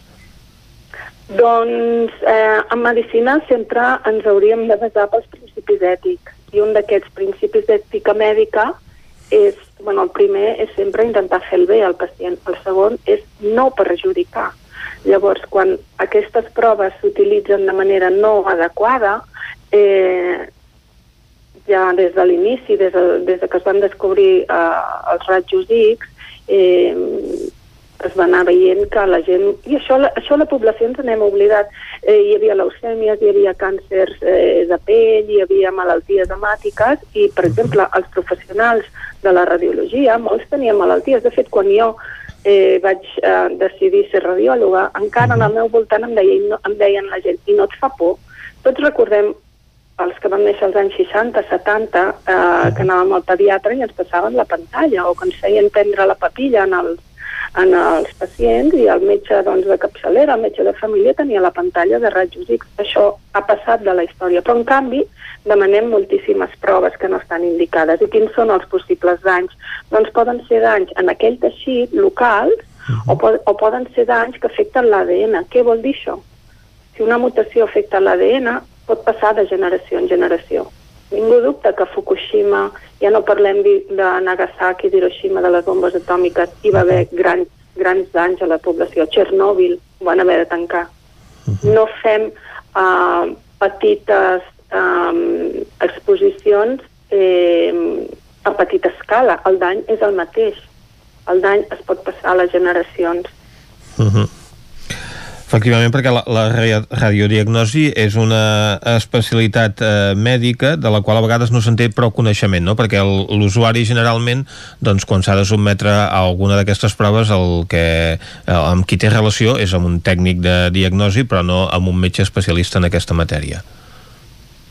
Sí, això és cert. Eh, a la nostra especialitat, que és poc coneguda, perquè diem que no visitem el pacient en el consultori, sinó que veiem les seves imatges. Eh, qui realitza l'exploració són és el personal sanitari eh, que són tècnics en radiologia i personal d'infermeria. Eh, els especialistes que, que hem fet l'especialitat eh, som radiòlegs, poden ser metges nuclears o oncòlegs radioterapeutes i, i som els que un cop s'ha fet l'exploració, que re, re, realment amb les noves tecnologies doncs, hi ha màquines molt ràpides, estem darrere i, i amb les estacions de treball doncs, mirem aquests milers i milers d'imatges que surten amb un tac de tòrax, amb un tac de crani, amb una ressonància de columna lumbar i a partir d'aquí, en base al que ens demana el metge peticionari, nosaltres fem el diagnòstic. Ara, des del Departament de Diagnòstic per la Imatge, doncs, heu fet campanya entre els metges del Consorci i aprofitant aquesta aturada doncs, de proves a conseqüència de la crisi sanitària, s'ha fet un cribratge de les proves que queden pendents, quines convé fer i quines no. Sí, és així. Nosaltres ja des del juny del 2019 estem amb aquest programa europeu per adequar i fer que mm, tots els professionals del nostre hospital eh, demanem, sol·licitem i nosaltres, els especialistes, acceptem les proves que siguin realment necessàries, que portin benefici pel pacient. Eh, en base a aquest estudi eh, hi ha un sistema informàtic i col·laborem en reunions setmanals amb la seu europea. És un estudi que s'està fent a diferents països europeus. En l'estat espanyol hem de dir que l'Hospital de Vic hem sigut dels primers, uh mm, -huh. Mhm. som pioners amb aquest, estem obtenint dades ara mateix, i es va fer un grup de treball, un equip de treball, que són molts facultatius de l'hospital, i, i es van adequar els sistemes informàtics amb els sistemes de la societat europea, és a dir, que havia, teníem molta feina feta, però què va passar? Quan estàvem a punt de tenir els resultats va arribar la pandèmia. Uh -huh. Llavors, com en moltes professions i com en gairebé tot l'àmbit sanitari, això ens va portar a un moment de pànic, evidentment, tothom ho coneix això, però llavors vam haver d'accelerar moltíssim tot el que estàvem fent. I ens vam trobar que en aquest moment de crisi, de saturació del sistema, hi havia moltíssims malalts de la nostra comarca que estaven esperant, que estaven en llista d'espera, que els havíem de donar hora per sentar com una ressonància. I llavors va ser quan ens vam aixecar les mànigues i vam dir, doncs, eh, són realment tots necessaris. Ja estàvem amb aquest programa europeu i les societats científiques a nivell de l'agrupació la, de radiòlegs de Catalunya, la Societat de, de Radiologia d'Espanya i així com totes les societats europees, immediatament es van, van fer unes recomana, recomanacions de quines proves s'havien de fer i quines no.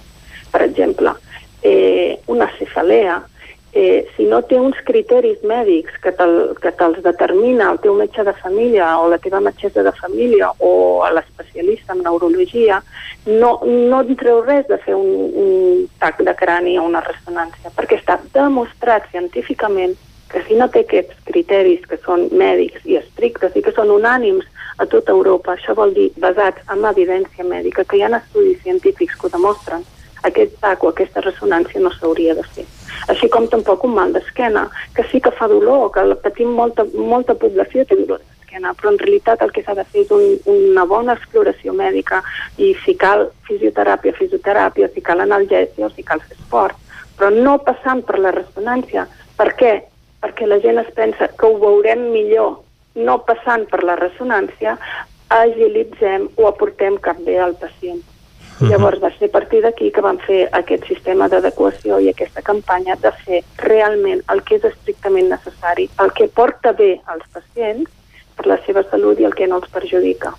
I, I ara... això tampoc, tampoc perjudica les llistes, mm, les llistes d'espera, uh -huh. perquè en aquesta situació de pandèmia eh, s'ha de comprendre que si tenim eh, pacients ingressats i una llista d'espera d'ambulatoris no pot ser doncs, que exploracions que no estiguin, indicada, pren, que no estiguin indicades prenguin el lloc dels pacients que estan ingressats i que estan esperant per una prova. Uh -huh. I ara aquestes proves que es deixaran de fer, de fet, no, no, no s'apliquen com a mesura d'estalvi perquè en realitat participar en aquest programa de gaire europeu al Consorci Hospitalari de Vic també li costa uns diners. Evidentment, eh, tots són recursos i estratègicament s'ha decidit eh, anar a adequar i anar a treballar tots de la mateixa manera i fer-ho bé. Eh, per tant, s'ha fet una classificació de tots aquests pacients, s'ha explicat a tots els facultatius de l'hospital i els mateixos pacients rebran comunicació quan realment aquella exploració per un mal d'esquena, per un dolor de genoll, eh, s'ha entrat a totes, les, a totes les històries clíniques, s'ha mirat tot el curs clínic un a un de tots aquests pacients, l'hospital hi ha posat recursos per això i s'ha contractat personal per fer aquest estudi que ha sigut molt, molt, molt detallat durant tots aquests mesos de pandèmia i s'han classificat i llavors els que, seria, els que eren urgents realment necessaris ja estan fets a data d'avui. Altres doncs s'han classificat per fer d'aquí tres mesos o si no eren necessaris se'ls ha comunicat també. Se'ns acaba el temps. La doctora Marta Serrallón que ens ha acompanyat avui al Territori 17. El nou FM la ràdio de casa al 92.8. La Fogonera, resistència gastronòmica. És un restaurant? És un rostidor? És La Fogonera, la cuina en directe des de GURB, on encarregues, ho vens a buscar i ara també t'ho portem a casa. La Fogonera, resistència gastronòmica. Ara, amb la fogonera de dia, amb aperitius, arrossos, segons plats i postres. I quan cau la nit, ens transformem en un popurri culinari. Burgers, pizza, pasta... Truca al 93 851 55 75 o entra a lafogonera.cat. La Fogonera, el teu aliat gastronòmic. Cocodril Club. Si t'agrada la bona música dels anys 60, 70 i 80, escolta el 9 FM als matins de dissabtes i diumenges d'11 a 1. És el temps del Cocodril Club, tot un clàssic de la ràdio, amb les bases del pop-rock, les llegendes, les cançons que s'han convertit en autèntics himnes. Recorda, dissabtes i diumenges al matí, d'11 a 1, al 9 FM 92.8. Cocodril Club, el programa revival de l'Albert Malla. Hasta luego, cocodrilo. Cobertes serveis funeraris. Els nostres tanatoris estan ubicats en els nuclis urbans més poblats de la comarca d'Osona per oferir un millor servei. Tanatori de Vic, Tanatori de Manlleu, Tanatori de Centelles i Tanatori de Roda de Ter. Sabem que són moments difícils i per això el nostre compromís és atendre-us en tot moment amb un tracte humà, sensible i respectuós. Cobertes serveis funeraris. Telèfon 24 hores 93 883 23 46. Anuncia't al 9FM. La màquina de casa. 9 3 8 8 9 4 9 4 9. Publicitat arroba al 9FM.cat. Anuncia't al 9FM. La publicitat més eficaç. Només pensar en passar aquesta nit sense calefacció amb aquest fred... No es preocupi, hem analitzat a fons la caldera i de seguida quedarà reparada i en funcionament. Quan tingui un problema amb la seva caldera, vagi directament a la solució. Truqui sempre al servei tècnic oficial de Saunier Duval i despreocupis, perquè som fabricants i coneixem les nostres calderes peça a peça. Informis a Oficiat Nord trucant al 938860040. Saunier Duval, sempre al seu costat. L'Auditori Teatre de Call d'Atenes presenta Aquelarre, cabaret amb de Feliuetes. El 7 de novembre a les 9 del vespre, Aquelarre, a l'Auditori Teatre de Call d'Atenes. El 9 FM. La ràdio de casa al 92.8.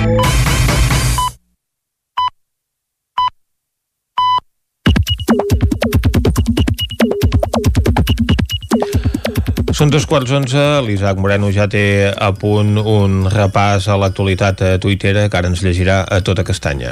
Comencem amb una mica d'humor, bon dia. I bona hora.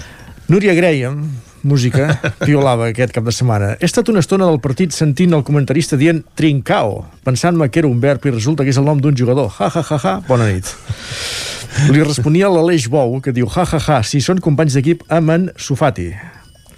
I aquí dius, què, què vol dir? Qui és en Sufati? I ella diu, ha, ha, ha, ha, un altre clàssic, mare meva. I ella mateixa responia, diu, ai, que tampoc us havia explicat mai. Vaig estar molt temps pensant-me que era en Sufati i no Ansu Fati. Clar, és el que té de la plana, eh, que fem servir encara els ens i nes Ah, en lloc dels els i les. Sí, sí. Roger Usart encara s'hi afegia a la festa i li comentava Fa uns dies vaig llegir un tuit d'una tia que en comptes de dir de soy Aramis Fuster, en tenia soy ara mismo usted. I vaig trobar que era el millor malentès ever. Home, una mica sí. Els jocs de paraules donen per molt. Com posem-nos seriosos, Agustí Danés, periodista, el tancament de la planta de Prismi a Manlleu entristeix. És igual que tingués futur, perquè en la lògica d'una multinacional només era un ús d'una xarxa més àmplia que era en què res té valor, només preu. Per això indemnitzen, xapen la barraca i a callar. Globalització, en diuen. Anem a l'acudit dolent del matí. Enric Xicoi diu la victòria demòcrata als Estats Units pot ser un Biden de gasolina pels que estan esperant incendiar el país. Jugar al Biden bidó, entenem. Facilitat en diu un barril, no? Exacte. Gemma Permanyer. La meva fillola m'ha ensenyat la carta als Reis, 1 de novembre, i ja té quatre pàgines. Doncs espera Algú li, s'esperi, no? algú li responia, el primer punt hauria de ser que passin els Reis aquest any. Miquel Macià, a casa, quan un dia era molt espès, núvols baixos, calma estranya, silenci funerari, deien que avui sembla Tots Sants, però ni Tots Sants ja és el que era. Xavi Font, actor i mestre, sembla que hagi mort Sean Connery, però no. Ara obrirà els ulls i matarà els dolents, oi? Doncs tindrà feina. Avui hi ha ple a Vic i a la començat a escalfar des de Capgirem Vic, el grup municipal de Capgirem Vic. Aquest dilluns el ple de Vic perdonarà prop de 2.000 euros en impostos i taxes per unes obres a la façana de la clínica Vallès. Demanem a la resta de grups de l'oposició que hi votin en contra i denunciem l'avarícia il·limitada d'aquells que en plena pandèmia no paren d'enriquir-se. La regidora de la mateixa formació, Susana Vives, respon és un escàndol i l'advocat Antoni Borra dic, viu, diu Vic als peus de la família Vallès. Uh, Pep Carol, una nena de 8 anys cridant a un bailet Ets un mala peça! Hi ha esperança. Etiqueta català a l'atac. Ets un mala peça, Sí, Vicenç. senyor. Roger Puigdecanet. Moltes gràcies, Isaac. Roger Puigdecanet, aquest divendres comença el segon confinament. Ens deixaran sortir a principis de desembre i ens confinaran de nou abans de Reis, on la situació serà apocalíptica. Doncs ja fem, ja veieu, fem crides a l'apocalipsi. I abans de la fi del món el que farem és llegir les portades al 99.cat. Més de 5.300 alumnes ballesans estan confinats a casa per la Covid-19, segona nit consecutiva amb incendis de contenidors a Montornès, mort Josep Cardús, històric rector de Marata, i cremen contenidors a parets Montornès, Sant Fost i la Roca durant la matinada de Tots Sants. A l'edició d'Osona i el Ripollès, entrevista Xavi Rovira, alcalde de Santa Eulàlia de Riu Primer. Volem participar en la recerca de solucions per al carrer Major de Cienfores la Guixa. També la crònica Art a peu de carrer el camí de l'educació sobre el debat d'educació que es feia la setmana passada al Nou TV i la C-17 buida de cotxes el primer cap de setmana de confinament. Molt bé, doncs, moltes gràcies, Isaac. Hem repassat l'actualitat digital i ara nosaltres anem cap a la taula de redacció. Territori 17.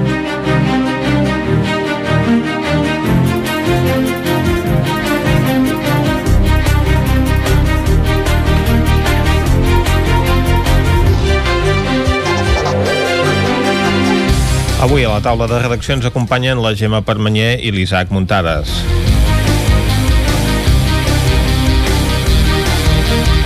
Comencem des d'una codinenca amb la Gemma Permanyer, que no ens parlarà de la carta als Reis a la seva fillola, perquè ocupa quatre fulls, sinó de la fusió de dues escoles de Caldes. És així, no, Gemma? És així, és així. La carta la deixem per, per un altre Per dia. més endavant, sí.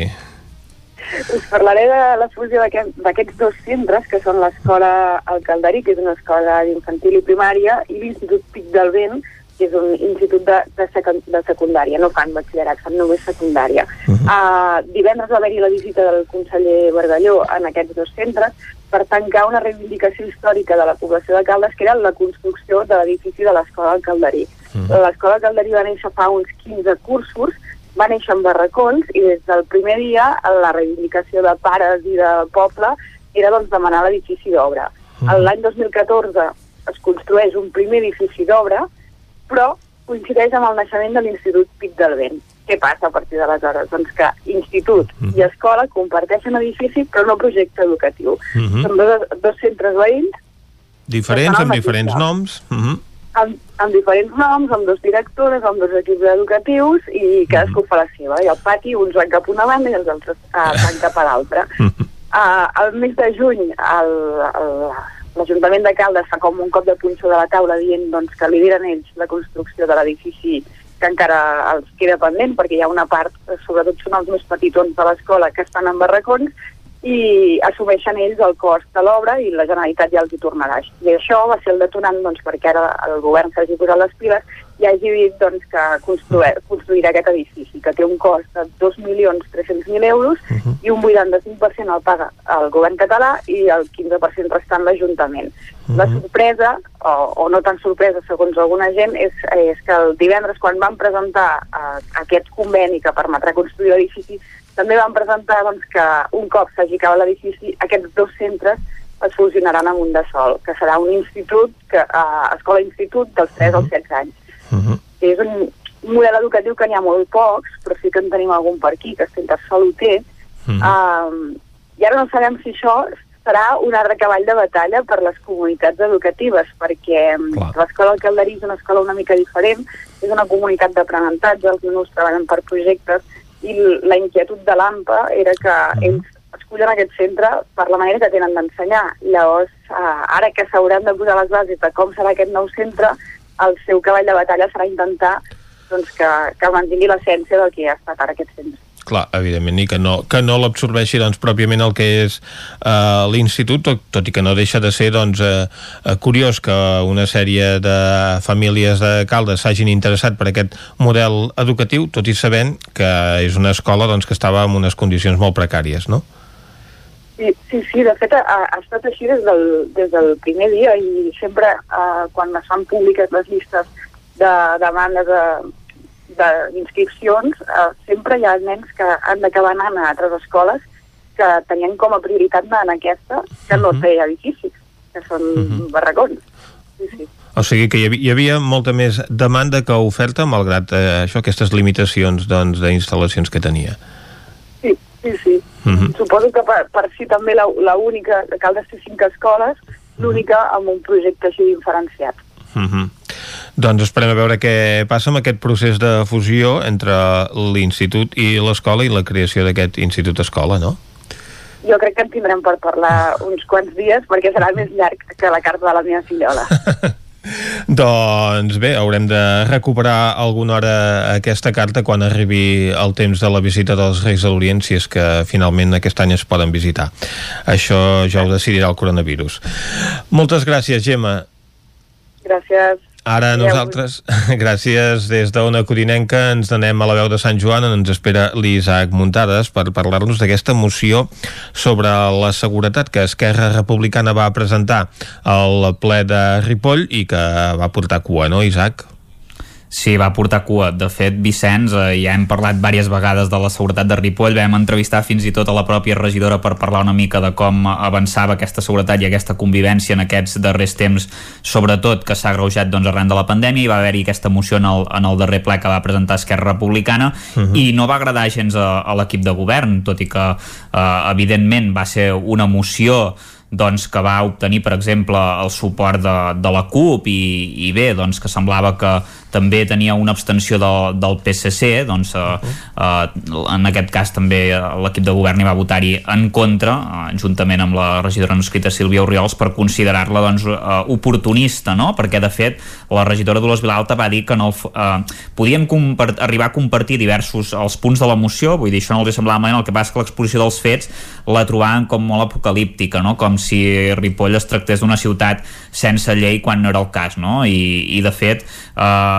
Vilalta, la regidora de Seguretat Ciutadana, Dolors Vilalta, va dir que no s'havien de magnificar uh, els fets que han passat a Ripoll en les darreres setmanes, que, el que s'ha d'evitar és que per uns fets puntuals sembli que a Ripoll doncs, uh, es produeixin doncs, baralles cada cap de setmana i, i que no li veia el sentit en, en aquesta moció, no? que no, per això deia que era una mica oportunista. De fet, fins i tot va recordar Uh, les dues uh, baralles que s'han produït a, a Ripoll uh, una que va ser el 3 d'octubre en aquest cas uh, va ser la famosa batalla campal per dir d'alguna manera que hi va haver-hi a la zona d'oci de, del centre de Ripoll en què doncs, un grup de d'unes cinc persones van començar una baralla i com ens va explicar en aquella entrevista Dolors Vilalta doncs això va arrossegar molta gent que gairebé doncs, eh, entre uns 70 eh, i un centenar de persones doncs, van, uh, van començar a barallar-se i en aquell dia no hi va haver-hi detingut, recordem que el dia següent sí, i l'altra baralla va ser una que ja hi va haver-hi uh, cap a l'estiu en què es va trencar el vidre d'un establiment, eh? per tant uh -huh. aquestes serien les, les dues baralles així que, que d'aixonis, però clar, des d'Esquerra deien que hi ha una sensació de, de que la gent fa una mica el que vol, que hi ha gent uh, sense mascareta, gent que fa eh, botellons, per tant, eh, que veu al carrer, per tant, una mica doncs, aquesta sensació que ells eh, consideraven d'inseguretat. Eh, res més lluny de la realitat Vilalta els hi va exposar tota una sèrie de mesures que han aplicat aquí també n'hem parlat, no? el tema de la, la implementació de la unitat canina uh mhm. -huh. el tema doncs, de l'educador de carrer que, que va també portar molta cua perquè precisament uh, Sílvia Oriols per uh, justificar el seu vot en contra va dir que, que res de contractar més agents cívics que el que s'ha de fer és sancionar perquè no serveix de res doncs, eh, contractar gent per mediar si la gent igualment no compleix i que, i que s'ha de sancionar no?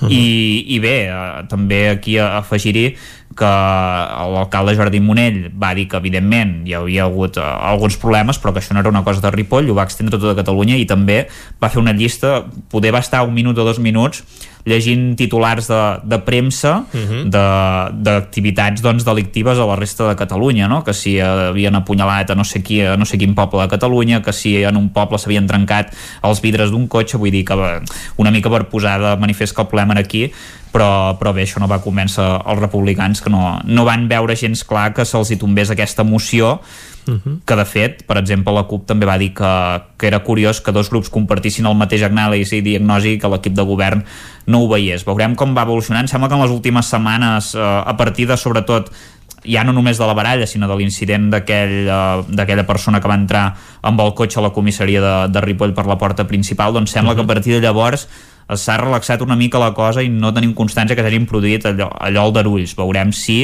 va funcionant. Ara també, com que hi ha el, el toc de queda, suposo que això també ja, ja ha influït i el fet que doncs, la zona d'oci estigui tancada també. Evidentment, tot i això, abans d'aquesta limitació de l'activitat nocturna, el propi Ajuntament ja havia reforçat doncs, la vigilància a la nit, no? Mm. El, a, en el centre de Ripoll, precisament, que és on es concentraven aquesta mena d'actuacions. Correcte, de fet hi va posar-hi doncs, més agents de, de la policia local destinats doncs, a vigilar i a, eh, per reforçar doncs, aquesta presència policial i evidentment que es coordinessin amb els Mossos que també reforcessin sobretot aquests dies per, per dissuadir una mica doncs, es que es poguessin cometre aquests actes, sobretot perquè clar, que es cometen en el centre de Ripoll, aquest és el problema. Una cosa seria que es fessin eh, en zones més apartades, que també evidentment eh, hi ha gent que, que ho fa, però el problema principal és que era el centre de Ripoll. I clar, evidentment la degradació del centre amb aquestes baralles no és el mateix que, que es faci en un altre lloc, no? és, més, és molt més visible, evidentment, mm -hmm però per sort ja, ja us dic, sembla que les mesures estan uh, funcionant entre cometes i sembla que la, la cosa va, va millor, però bé, això també ja us dic, és per una mica per aquestes casuístiques, eh? Mm -hmm. En canvi a Can de Bànol han après a fer-ho molt millor i fan les botellades als afores del poble, no? encara que això indigni a l'alcaldessa perquè els Mossos fan la vista grossa Exacte, sí, sí, ja us ho vam explicar que al polígon de Niubó doncs feien uh, botellades, no?, els caps de setmana, aprofitant una mica, bé, en l'època que evidentment es podia quedar de nit, però -huh. evidentment no fer botellades i, i tampoc em quedar més de, de 10 persones en aquella època, si no recordo malament, encara la limitació eren 10 persones uh -huh. i, sí. i, amb, i amb aquelles queixes de, de l'alcaldessa que, doncs, que els Mossos sembla ser que haurien eh, passat una mica de llarg eh, en fi, sembla que de moment no s'han reproduït aquests incidents ara hi ha més control i evidentment se sap on, on es feia per tant, doncs, uh, bé, uh, la cosa millora una mica, però ja us dic, és per aquestes casuístiques de, pel tema del toc de queda i perquè, evidentment, doncs, uh, la gent ha de fer més bondat, perquè si no se la juga bastant amb, amb les multes. Exacte. Doncs esperem que no s'hagin d'imposar. Gràcies, Isaac. Avui tanquem aquesta taula de redacció amb l'Isaac Muntades i la Gemma Permanyer.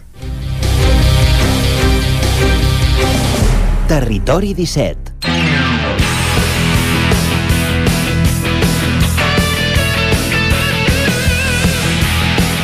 Doncs quan són tres quarts d'onze del matí, Vicenç, tanquem la taula de redacció i obrim l'agenda, bé, no l'agenda, sinó el repàs esportiu del cap de setmana. Un repàs esportiu que arrencarem anant on? Anem a Ràdio Cardedeu, allà ens espera l'Òscar Muñoz, com eh, cada dia. Bon dia, Òscar. Bon dia, Vicenç. Explica'ns doncs sí. quina és l'activitat esportiva que s'ha pogut dur a terme al Vallès aquest cap de setmana. Doncs aquest cap de setmana teníem el partit d'handbol, teníem a Sobal, teníem. El, a la ciutat de Granollers. Uh -huh. bueno, teni, bueno, sí, hem tingut. Uh -huh. I el Bada Huesca va derrotar aquest diumenge el Franklin Granollers eh, en un partit on els visitants es van mostrar bastant superiors durant tot el partit. Vaja, que va saltar la sorpresa. Sí, el Granollers va anar millorant durant tot el, durant tot el partit, no? En el segon temps més, uh mhm. -huh. fins al punt d'empatar el partit, però tot això no, va, no ha servit i no va servir i va acabar amb un 26 a 29. Uh -huh. Doncs... L'equip de, de Huesca recordem que va quedar penúltim la temporada passada per això mateix, que no seria sí. el cas doncs, que si ens atenem a la taula i a la situació esportiva aquest equip hagués de guanyar a Granollers precisament Exacte, sí. El que passa que va, van començar ja per davant del marcador mm -hmm. i no els van poder parar. Mm -hmm. Doncs vaja, una mala notícia pel Granollers amb una temporada que efectivament és complicada per tots els equips perquè aquesta crisi mm. sanitària provoca que hi hagi d'haver molts canvis al calendari i molts ajornaments. Exacte. El pròxim partit serà dimecres eh, dia 11 a Logroño. Mm si no hi ha cap modificació en, mm. la, en el calendari de la Lliga. Mm -hmm. Molt bé, doncs esperem que no hi sigui i que es pugui anar desenvolupant amb la major normalitat possible. Mm -hmm. Moltes gràcies, Òscar. A vosaltres. Anem eh, nosaltres de nou a la veu de Sant Joan perquè l'Isaac Muntades també té algunes novetats esportives per comentar-nos, no, Isaac? Sí, de fet tinc una novetat eh, en, en tema de, de Covid, ja sabeu que aquí al, al Ripollès no hi ha competicions perquè han quedat totes doncs, eh, suspeses jornades, digueu-li com vulgueu, però perquè evidentment no, no es poden jugar per les últimes restriccions, però sí que us vull comentar doncs, que un ripollès il·lustre, que és campió del món de bàsquet amb la selecció espanyola, en Xavi Rabaseda, doncs, uh -huh. eh, va comunicar que, que ha donat eh, positiu per per coronavirus. Eh, ell ho va publicar a les xarxes socials eh, i explica doncs, que el passat dimecres a la nit doncs, va presentar símptomes i que el dijous doncs, es va fer la prova PCR per sortir de dubtes i evidentment doncs, se li va confirmar que era positiu per coronavirus. Ell es troba bé, per tant ens, ens n'alegrem, està aïllat a, a casa i fins doncs, que no hi hagi una PCR negativa... A casa que no vol dir a Ripoll, eh? No, a casa que no vol dir Ripoll. Ell juga, recordeu que és jugador de, del Sant Pablo Burgos, per tant està a mhm. Burgos després de, després de deixar l'Herbalife Gran Canària la, la temporada passada uh mhm. -huh. i, i bé, està, està a Burgos eh, aïllat a casa seva, però es troba perfectament. El que passa és que, evidentment, doncs, ha de donar dos proves PCR negatives, si no recordo malament, abans de tornar a la competició, una primera i una, i una segona de, de comprovació, i aquest de, diumenge, per exemple, ja no va poder, doncs, evidentment, disputar el partit que havien de jugar contra el Fuentlabrada a les 5 de la tarda, i, i bé, esperem que, que recuperi aviat perquè doncs, tornem a tenir aquest campió del món a, a les pistes fent-ho tan bé com, com sap ell que evidentment ja sabeu que és un molt bon jugador I tant, que a part de guanyar títols amb la selecció espanyola també n'havia guanyat amb el Barça. Cal sí, recordar-ho en la primera etapa recordo algun, algun Exacte, títol alguna Lliga ACB per exemple sí, sí, sí, sí, sí. i per cert Perfecte. el, el vam tenir a Territori 17 abans de l'estiu, el Xavier Rabaseda que sí que vam tenir Correcte. una conversa i ell aleshores pensava que continuaria a les Illes Canàries però sembla que al final uh, bé, no, no sembla sinó que és evident que al final hi va haver canvis eh? sí. I, hi va haver canvis, eh? i això que el clima diuen que és millor eh, a les Illes Canàries, però bé, al final... No només el clima, sinó també la situació del coronavirus, perquè també, allà com que també, estan molt més també. aïllats, la veritat és que també viuen aquesta pandèmia d'una altra manera, molt diferent de Burgos, on cal recordar, per cert, que el Burgos havia jugat contra el Bàsquet Vic, esclar, quan estava a l'Aleport. Mm. I quan tant. tots, tots jugaven a l'Eport per tant és un equip que ha jugat ben a prop del territori 17 també Correcte. Mm -hmm. Doncs moltes gràcies, Isaac. Ara nosaltres anem a repassar l'actualitat també de la OK Lliga, Jordi. Sí, ara bàsicament aniríem cap a una codinenca, mm -hmm. però avui farem de cara al campàs. Aquí enviem una abraçada gegantina des d'aquí, que s'està recuperant d'un, vaja, uh, d'un petit accident, diguem-ne, per tant, una abraçada gegantina. Caral. Ah, esperem que ben aviat torni a estar aquí amb tots nosaltres. I parlarem breument de, bé, del cap de setmana sobretot pels equips d'hoquei patins. Començarem per l'hoquei Lliga Femenina. Uh -huh. uh, M'agrada sempre començar per l'hoquei bo, diguem-ne. El que passa és que el Vigues i Riells, doncs, que no, no en podem femení. parlar. Clar, evidentment, evidentment. Però què li va passar al Vigues i Riells? Doncs que va haver d'ajornar el seu partit que tenia previst per aquest cap de setmana, concretament amb el Vilanova, per positius de coronavirus. Uh, es veu que tot plegat venia al cas perquè el rival del Vigues, que era el Vilanova, havia jugat contra l'Igualada en el partit anterior i a, a les files de l'Igualada sí que es van detectar uns quants positius per coronavirus i això va fer doncs, que el Vigues i el Vilanova no s'hagin pogut enfrontar aquest cap de setmana. Recordem que ara mateix el Vigues i Riells ja té dos partits pendents, mm -hmm. uh, aquest amb el Vilanova i un també amb l'Igualada, que bé, l'Igualada sembla que de moment és l'equip que col·lecciona més positius de coronavirus i tothom que s'enfronta amb ell doncs després eh, bé, ha d'ajornar partits. Bé, van ser l'epicentre de la pandèmia mm. a nivell català, no? També és Quan cert, va començar exacte. tot aquest procés. Primer confinament va venir a Igualada i sembla que de moment, eh, bé, a Igualada continuen malauradament actius pel que fa a coronavirus. Bé, fer, deixem l'hoquei Lliga femenina, bé, no l'hem ni agafat perquè no hi va haver uh-huh. partit, anem a l'hoquei Lliga masculina per explicar que el rec amb làser, el Caldes, tampoc va poder jugar aquest cap de setmana. I eh, que no saps amb qui havia de jugar lugar. Amb l'Igualada. Molt bé. Vinga, premi, premi. doncs bé, aquest cap de setmana el Caldes havia de jugar a casa amb l'Igualada, però eh, hi va haver un positiu no d'un jugador de l'Igualada, sinó d'un jugador de Calderí. Per tant, diguem que en aquest cas eh, l'ajornament del partit va venir per, entre cometes, per culpa mm, doncs d'un positiu d'un jugador del Caldes. Eh, cal dir que el jugador es troba molt bé, que és asimptomàtic i que de moment no s'ha detectat cap altre positiu a la plantilla plantilla d'alcaldes. Això sí, alcaldes haurà d'estar en quarantena. Eh, en aquest cas va començar divendres passat la quarantena, que és quan es va detectar el positiu, i eh, si tenim en compte que bé que la quarantena va començar divendres, molt em temo que dimarts que ve, dia 10 de novembre, Alcaldes havia de jugar a la pista del Taradell a l'Hockey Lliga i és bastant possible que aquest partit també s'hagi d'ajornar, però en tot cas ja, ja ho seguirem. I per acabar, explicar que l'Hockey Lliga Plata, que també ha arrencat, bé, alguns equips uh -huh. encara no, però vaja, en aquest cas el Sant Feliu de Codines sí que va jugar aquest cap de setmana, va jugar a la seva pista contra l'Alcobendas, però bé, l'Alcobendas que per cert és el líder de l'Hockey Lliga Plata masculina, doncs va guanyar per 3 a 7 al camp del Sant Feliu. El Sant Feliu que bé, que va arrencar ja força malament perquè va anar sempre remolc al marcador i en cap moment del partit va tenir opcions i al final va caure per aquest clar 3 a 7 eh, davant l'Alcobendas. Mm -hmm.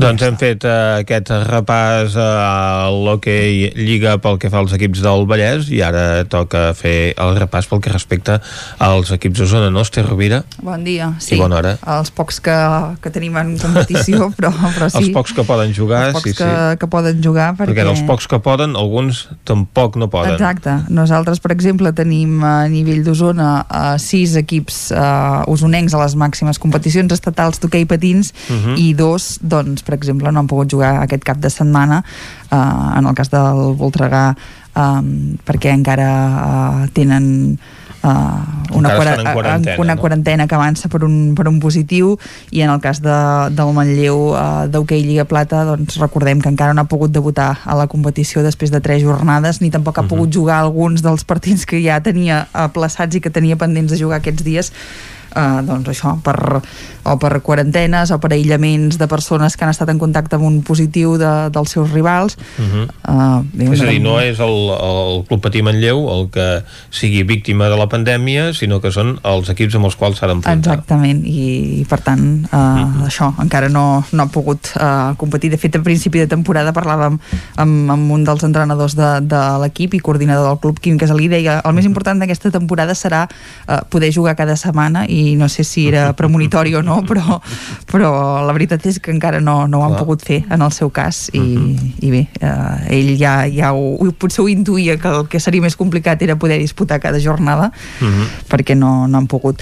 Com Serà dèiem, complicat per un dels equips candidats a l'ascens. Exacte, perquè és que és això. Uh, recordem que la temporada passada va ser segon de, del seu grup i que uh, quan que es va decidir que no hi havia descensos ja no hi va haver l'opció que els dos segons entressin en el play-off que havien de, de disputar, només van pujar els dos primers de cada grup d'hoquei Lliga Plata, Mhm. que era una part del que estava previst en el sistema de competició, però no que els dos uh, segons entressin en el play-off de descens amb els que havien de, de baixar de, o Mhm. en els últims classificats de l'hoquei Lliga perquè es va decidir que no hi havia descensos, decisió que va Mhm. afavorir el Vic i el Taradell, per exemple, Exacte.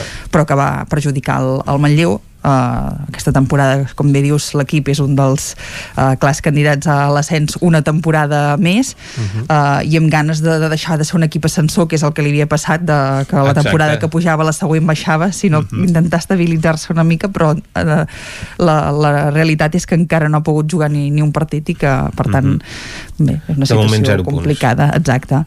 Uh, els que sí que han jugat, que com dèiem també n'hi ha que, que han pogut uh, jugar, uh, doncs per exemple els dos femenins, que hi havia partits destacats uh, aquesta, uh, aquesta setmana a l'hoquei Lliga Femenina, uh, el Manlleu rebia el Cerdanyola, que era del seu grup un dels equips que en els últims anys doncs, s'ha anat postulant com, com un equip a tenir en compte, uh, però bé, uh, la veritat és que el Manlleu uh, cada dia es troba més còmode, ho anem dient setmana rere setmana, i en un partit en què va, va gaudir i, i això va poder uh, desplegar tot el seu potencial, va acabar guanyant per, per 7 a, a 2, per tant, còmoda victòria i plàcida a, a casa, i l'altre partit que també era uh, rellevant i que també es jugava uh, a la comarca, tot i que sense públic, recordem, perquè aquest cap de setmana ja tots els partits eren sense públic, era el del Voltregà contra el Palau de, de Plegamans, Mhm. uh, el líder del grup B, que visitava Sant Hipòlit, un equip que era també el màxim golejador global dels dos grups de la competició aquesta temporada, 40 gols a favor amb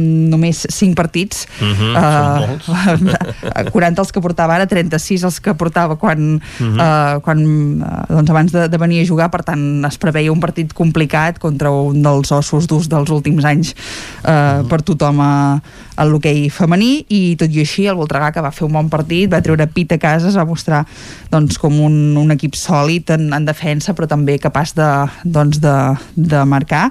I al final un empat a 4 que, que, que és un bon resultat doncs, tenint en compte això, el potencial del, del rival.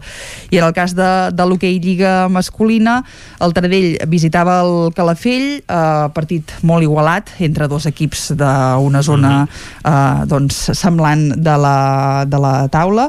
Eh, i al final doncs, a l'últim minut eh, es va imposar eh, l'equip local per, per 5 a 4 eh, una derrota que fa que ara mateix el Taradell sigui 13è a la classificació que aquesta temporada recordem que són 16 equips i que en canvi el Calafell doncs, el fa pujar fins a la, fins a la novena i l'altre partit eh, amb participació usonenca era el que enfrontava ahir al vespre el Vic a la pista del Lloret i hem de destacar que el Vic va aconseguir el primer punt de la, de la, temporada. De la temporada. Fins ara eh, no havia puntuat i això el fa abandonar l'última posició de la classificació que ara passa a ocupar l'Igualada que tampoc no n'ha no aconseguit eh, cap Però o, o que no n'ha aconseguit cap eh, també és l'equip que té més partits pendents exacte, sí, sí, perquè només n'han disputat a 3, l'Igualada el Vic n'ha jugat 5 i en aquest, com dèiem, eh, primer punt que, que ha aconseguit.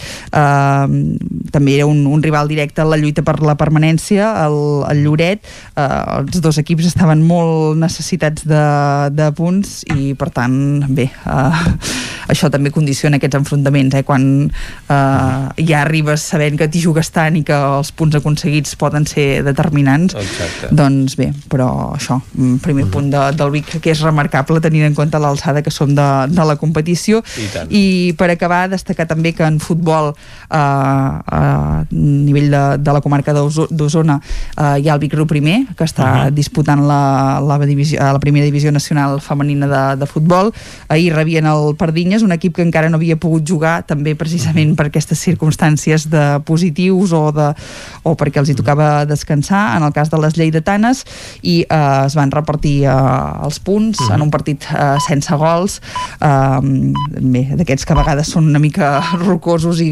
i costa eh, que es puguin generar ocasions de gol i al final doncs això, un empat eh, sense, sense gols que situa a les biguetanes com a terceres classificades eh, en aquesta classificació, per tant bon inici en aquestes tres jornades que s'han disputat.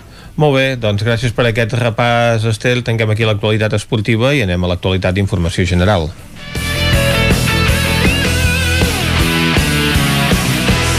Mig minut passa de les 11 en punt del matí i en aquest moment torna la informació de les nostres comarques, les comarques del Ripollès, Osona, el Moianès i el Vallès Oriental. Territori 17, amb Vicenç Vigues i Jordi Sunyer.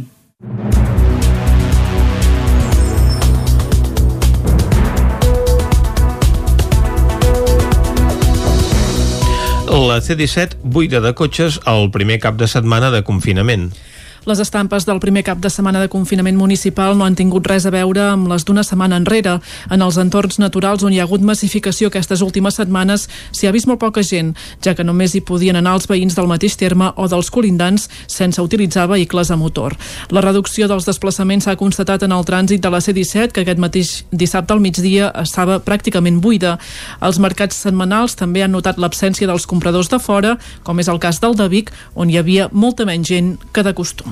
Amb el toc de queda vigent, els carrers estan deserts a les nits. Tot i això, hi ha feines que en viuen al marge. Hem acompanyat alguns d'aquests professionals per veure com ho estan vivint. Malgrat el toc de queda de 10 a 6, hi ha gent que no pot deixar de treballar per tenir-ho tot a punt per l'any demà. Forners, maquinistes, policies o sanitaris continuen treballant de nit. És el cas del murcià Cayetano Lorca, que dimecres conduïa l'últim tren que arribava a Vic a 3 quarts de 12 amb només 7 passatgers. Lorca treballa a Rodalies de Catalunya des del febrer i des de de llavors ha notat un canvi en el nombre de persones per trajecte. Yo he salido hospitales a las 10 y 22 y la verdad que se subía muy poca gente y a lo mejor en cada estación puede ser que suban 10, 12 personas en este viaje y, y a lo mejor se subían eh, dos, cuatro o, o ninguno. El maquinista murcià va fer nit a l'hotel que hi ha sobre la mateixa estació de Vic per l'any demà conduir un dels primers trens en direcció a l'Hospitalet per completar la seva jornada. Un altre col·lectiu que treballa de nit al marge del toc de queda són els forners. El forn Sant Jordi de Folgueroles, Xavier Puigses Lloses, encenia el forn i començava a treballar la massa. Va prendre l'ofici del seu pare i dona continuïtat a la nissaga que ha fet famosa la coca del mossèn. El tancament de bars i restaurants ha afectat la seva producció, però la compensen amb els visitants que han anat rebent. Clar, servien molta coca del mossèn i molt pa de pagès. I clar, eh, doncs molts restaurants, molts, potser un, potser un 30% de la nostra producció anava cap als restaurants. I ara que la pobres doncs, han quedat molt, han quedat parats i bueno, hem d'esperar a veure si hi ha sort i tot comença a anar una mica com abans. Puigses Lloses va acabar la jornada a mitjanit quan van entrar els companys per rematar la feina. L'important era que el pa pogués estar al forn en començar el dia i finalitzés el toc de queda. L'Ajuntament de Vic i la Facultat de Medicina de la UBIC habiliten un espai al cementiri municipal de Vic per homenatjar els donants del cos a la ciència. Es troba als Jardins Marie Curie. L'Ajuntament de Vic ha inaugurat al cementiri municipal de Vic el primer espai per recordar les persones donants del cos a la ciència, batejat com a Jardins de Marie de Marie Curie. L'entorn de l'espai presenta una simbologia pròpia de la comarca.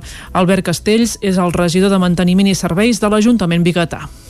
Els elements geològics com les margues blaves de la plana de Vic, la, la pedra de Fogaroles, l'aigua i eh, els elements de vegetació com l'auró blanc. Un pretén simbolitzar doncs, la naturalesa, aquest cicle infinit de, de la matèria de, de descomposició i de tornar a regenerar-se i creiem doncs, que això que és un espai doncs, que convida a la, a la reflexió en honor als donants s'hi ha instal·lat una placa que diu en memòria de qui ha donat el cos a la ciència. Darrere la mort hi ha una altra manera de viure. I és que gràcies a la donació de cossos, els estudiants de Medicina de la UBIC UCC poden estudiar aspectes molt importants de l'anatomia del cos humà. Ramon Pujol és el degà de la Facultat de Medicina de la Universitat de Vic, Universitat Central de Catalunya serveix perquè aquests futurs metges puguin aprendre eh, com és l'anatomia del cos humà i com és tot el, tot el funcionament del cos humà des d'un punt de vista de veure i conèixer eh, les estructures d'aquest cos i poder-ho treballar adequadament amb tot el professorat. Els jardins consensuats entre l'Ajuntament de Vic i la Facultat de Medicina de la UBIC volen agrair i reconèixer aquestes persones i a les seves famílies. El Gremi de Floristes no ha quedat aquest, cap, aquest cop afectat del tot per les noves mesures restrictives. Han pogut obrir a la campanya de Tots Sants, tot i això, les vendes no són les d'altres anys, però són optimistes. David Auladell, de Ràdio Televisió, Cardedeu. Empresaris i comerciants d'arreu del país estaven atents a les noves mesures preses pel govern de la Generalitat per aplanar la corba de contagis de la Covid, per saber si havien de baixar la persiana un altre cop o fins i tot de manera definitiva. Un dels gremis més afectats per la pandèmia és el dels floristes, que van veure com es quedaven sense Sant Jordi i també sense el Dia de la Mare. Tots Sants és la penúltima campanya de l'any i aquest cop han pogut obrir i la gent anar al cementiri. I encara que els números no són els mateixos, són optimistes. Anna Parera, de la floristeria Parera de Cardedeu. I de mica en mica s'ha anat animant, ha sigut una diada d'última hora, diria jo. Però en principi ha anat força bé. Els gladiols, els clavells i les roses són tres tipus de flors que més s'encarreguen per la festivitat de Tots Sants. Aquest, però, era difícil per saber quina quantitat encarregar. Anna Parera. Sempre tens la seguretat de, com cada any, doncs, bueno, encara que la gent no encarregui, tu ja saps que aquella setmana t'encarregaran. El que passava aquest any és que no ho sabies. Llavors dius, què fas? O sigui, tampoc em volia quedar sense, els proveïdors també no sabien què demanar a, a l'engròs, com si diguéssim, vull dir que ha sigut tota una cadena fins que al final dius, mira, demano això i a veure què passa. I a mesura que ha anat la setmana, doncs, m'han faltat coses, n'he hagut d'anar a comprar, hi han coses que, que el meu proveïdor no en tenia, per tant m'he quedat sense, vull dir, bueno, ha sigut una miqueta així.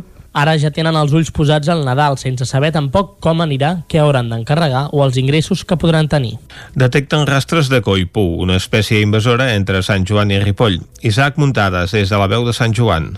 Ara fa uns dies que el divulgador rural i tècnic del Centre de Ciència i Tecnologia Forestal de Catalunya, Pol Guardís, va fer una piulada a Twitter on anunciava que havien trobat rastres de coipús entre Sant Joan de les Abadeses i Ripoll. El coipú és un mamífer rosegador que mesura uns 40 centímetres de llargada i 25 d'alçada, que és una mescla entre una rata i una llúdriga. No és gens habitual trobar aquest animal en aquestes latituds, ja que es tracta d'una espècie invasora que entra en conflicte amb les autòctones com són el bisó europeu i el turó, però també contribueix a devaluar la biodiversitat de la zona. Els coipús són uns animals que es poden veure fàcilment en les zones de ribera, rosegant tiges o blat dels camps de Conreu. Guardís també va apuntar on havien detectat aquests rastres. Sí, nosaltres directament el que va ser, vam trobar-hi petjades, que eren, són molt evidents, la tipologia de petjada que fan, no? marcant els dits, molt ben marcats, en una zona molt, molt fangosa, on just hi havien acabat d'haver-hi una passada important de, de sediments, perquè va ser postglòria, justament això, si us recordeu el gener d'enguany, de, de, que va haver-hi una quantitat de sediments que van baixar bastant fort per aquestes zones de per aquí de Sant Joan, i justament en aquest àmbit de la zona de Calgat, el Guillot, aquell tros d'allà, és on vam trobar-hi aquestes, aquestes petjades de coipú. La teoria de per què els coipús han arribat al Ripollès és perquè en el seu moment van ser alliberats de granges de França i es van propagar arreu del territori francès i per proximitat el català. Guardís també és un dels impulsors del projecte Laifalnus, que pretén millorar hàbitats i en aquest cas concret les vernedes i els boscos de ribera per les espècies autòctones i per tenir un major control del riu. Guardís va explicar que aquests boscos de ribera han estat tradicionalment molt humanitzats perquè s'hi han instal·lat indústries al costat, ramaderia o trames urbanes. I a Catalunya hi ha el 14% de les vernedes de tota Europa, però només en queda una cinquena part de la que es pensaven. La conservació d'aquests espais és important per evitar catàstrofes naturals com les dels temporals Glòria i Leslie. Encara hi ha molta gran part de, de la població que té la percepció de que, de que el riu ha d'acabar sent un canal on te pugui desaiguar ràpidament, on te no hi pugui haver-hi gaire vegetació i justament el que estem veient de que la complexitat no, de donar-hi més uh, vegetació, de que hi hagi fusta morta, col·locades en llocs que realment no, no generin un risc evident, eh? zones d'infraestructures i de vents, realment ens n'adonem de que allà ajuden això, a anar reduint aquesta velocitat de l'aigua, que facin no, els sediments quedin més ben col·locats, que inundin zones que realment puguin moure's per banda i banda, que no sigui no, tota aquesta romba d'aigua que baixi avall. Guardís va recordar que el Ripollès té una qualitat de l'aigua del riu força bona a les capçaleres, però més manipulada a mesura que el riu s'acosten als pobles i als llocs on hi havia hagut colònies tèxtils.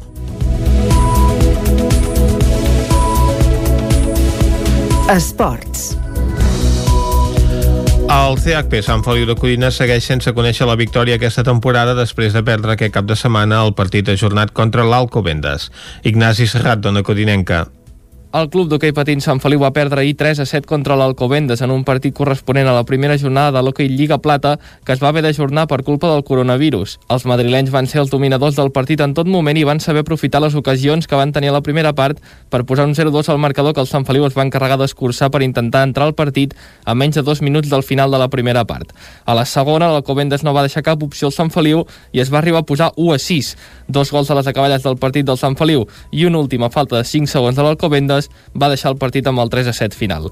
L'entrenador del Sant Feliu, Josep Maria Rovira, deia que la falta d'encert i l'inici de la segona part han marcat el partit i la falta d'encert i és també al final quasi tot el que anava a porteria o de rebot o poc que sigués acabava anant a dintre i, i bueno, al final l'encert marca moltes vegades la diferència i bueno, doncs eh, el seu encert ha fet que acabessin guanyant mm, el partit. Amb aquest resultat, el Sant Feliu queda al capdavall de la classificació sense haver guanyat cap punt en dos partits. I fins aquí el butlletí informatiu de les 11 del matí que us hem ofert amb les veus de Vicenç Vigues, Clàudia Dinarès, David Auladell, Caral Campàs i Ignasi Camps. I ara el que toca és fer un breu parèntesi i de seguida anem a discos que han fet història. Què sonarà avui? Ho descobrirem de seguida. Anem-hi. Territori 17. Envia'ns les teves notes de veu per WhatsApp al 646 079 023. 646 079 023. WhatsApp Territori 17.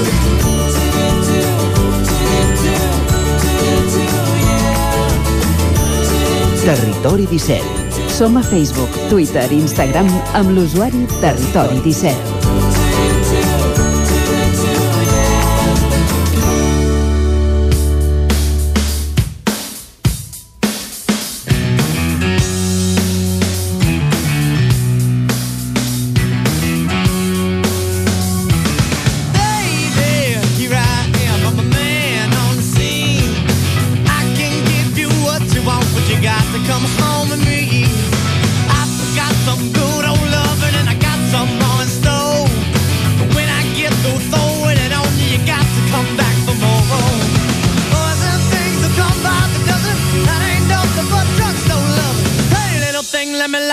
Candle, cause the mama, I'm sure all the hand and I just around.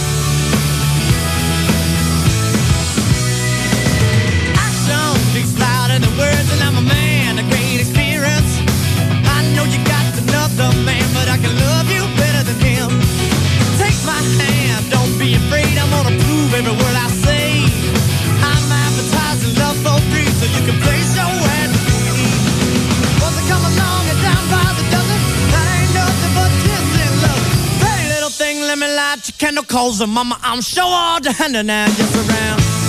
Doncs ja som a la secció de discos que han fet història, que habitualment arriba els divendres, de la mà del Jaume Espuny, però com que el tenim confinat, vam fer un petit canvi, Vicenç. Eh, divendres vam tenir novetats d'àmbit nacional, d'àmbit català. Perquè n'havíem de celebrar una de bona. Correcte, evidentment. I...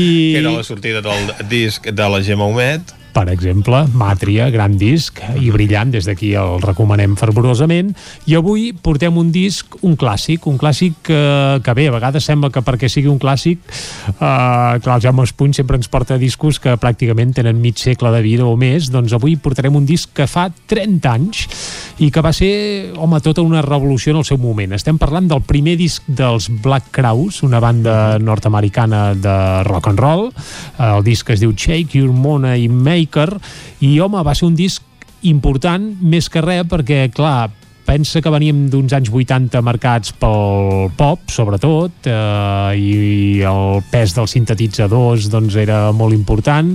Els 90 arrencaven amb el grunge esparracant a tota pastilla, el grunge, allò, guitarres molades, molta fressa, a vegades tampoc gaire endreça, molts crits, però tot molt pel broc gros i pel dret, i l'esperit aquell dels anys 60 i 70, del rock bé, del rock and roll una mica més, entre cometes, eh? també més treballadet, amb joc de guitarres, amb solos, eh, un esperit també fins i tot a nivell visual, eh? a nivell estètic, allò, aquelles potes d'elefant, aquelles petites, eh, patilles, grenyes, tot això s'estava perdent i van aparèixer aquesta gent, els Black Crowes, per fer un primer disc extraordinari eh, on hi havia hits com aquest que escoltàvem per encetar la secció, que per cert és l'única peça que hi ha al disc on és seva, que és el Hard to Handle, que és una cançó que era de Lottie Redding, ells la van revisitar, la van versionar i va ser segurament la cançó que més va sonar d'aquell primer disc dels Black Crowes. Però clar, arran d'aquest disc, doncs ostres, van venir moltes bandes al darrere, també que bevien del rock dels anys 70, de Led Zeppelin,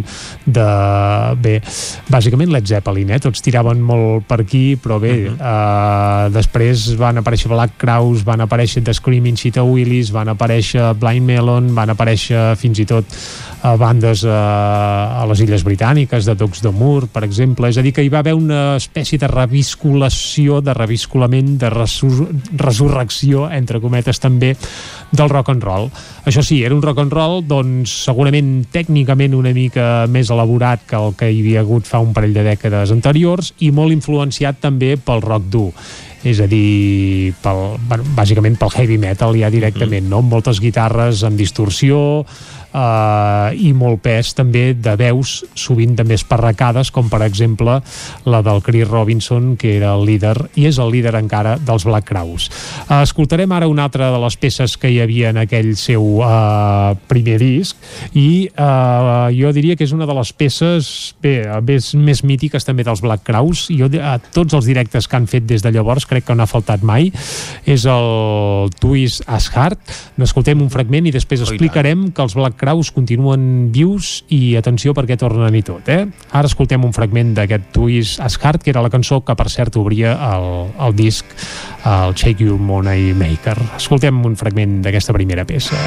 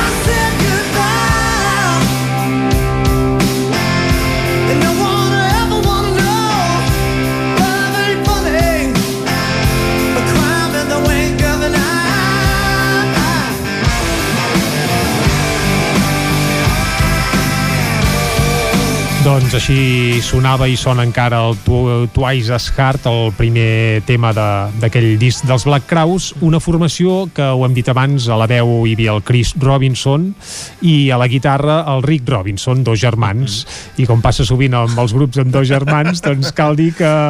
Com els Oasis, com, Com Marà, Oasis, com etcètera, etcètera. correcte. Hi ha moltes històries a explicar, no? Perfecte, doncs sí, han tingut moments en què són molt amics i tot és fantàstic i moments en què s'han tirat els plats pel cap i bé, i fins i tot han desfet la banda. El Chris Robinson fins i tot ha arribat a editar un parell de discos en solitari, més que res perquè estava tan barallat amb el seu germà que eren incapaços de, de fer res com a Black Crowes, però... Sí, de compartir amb harmonia la nit de Nadal. No? Bé, no m'imagino un sopar de Nadal o un dinar de Nadal a Carls Robinson de, fa 3 o 4 anys, per exemple, eh? Però eh, tenim una bona notícia i és que ara tornen a ser amics. És a dir, sí, el Chris i el Rick s'han tornat a fer amics. Bé, es van fer amics ja l'any passat un altre cop, eh? Uh, bé, a mi, o, o no. Uh, la veritat és que també costa de dir... Però vaja, ells mateixos eren conscients que s'acostava el 30è aniversari del Shake Your Money Maker, d'aquest seu primer disc que va ser tot una veritable revolució no només als Estats Units sinó a mig món.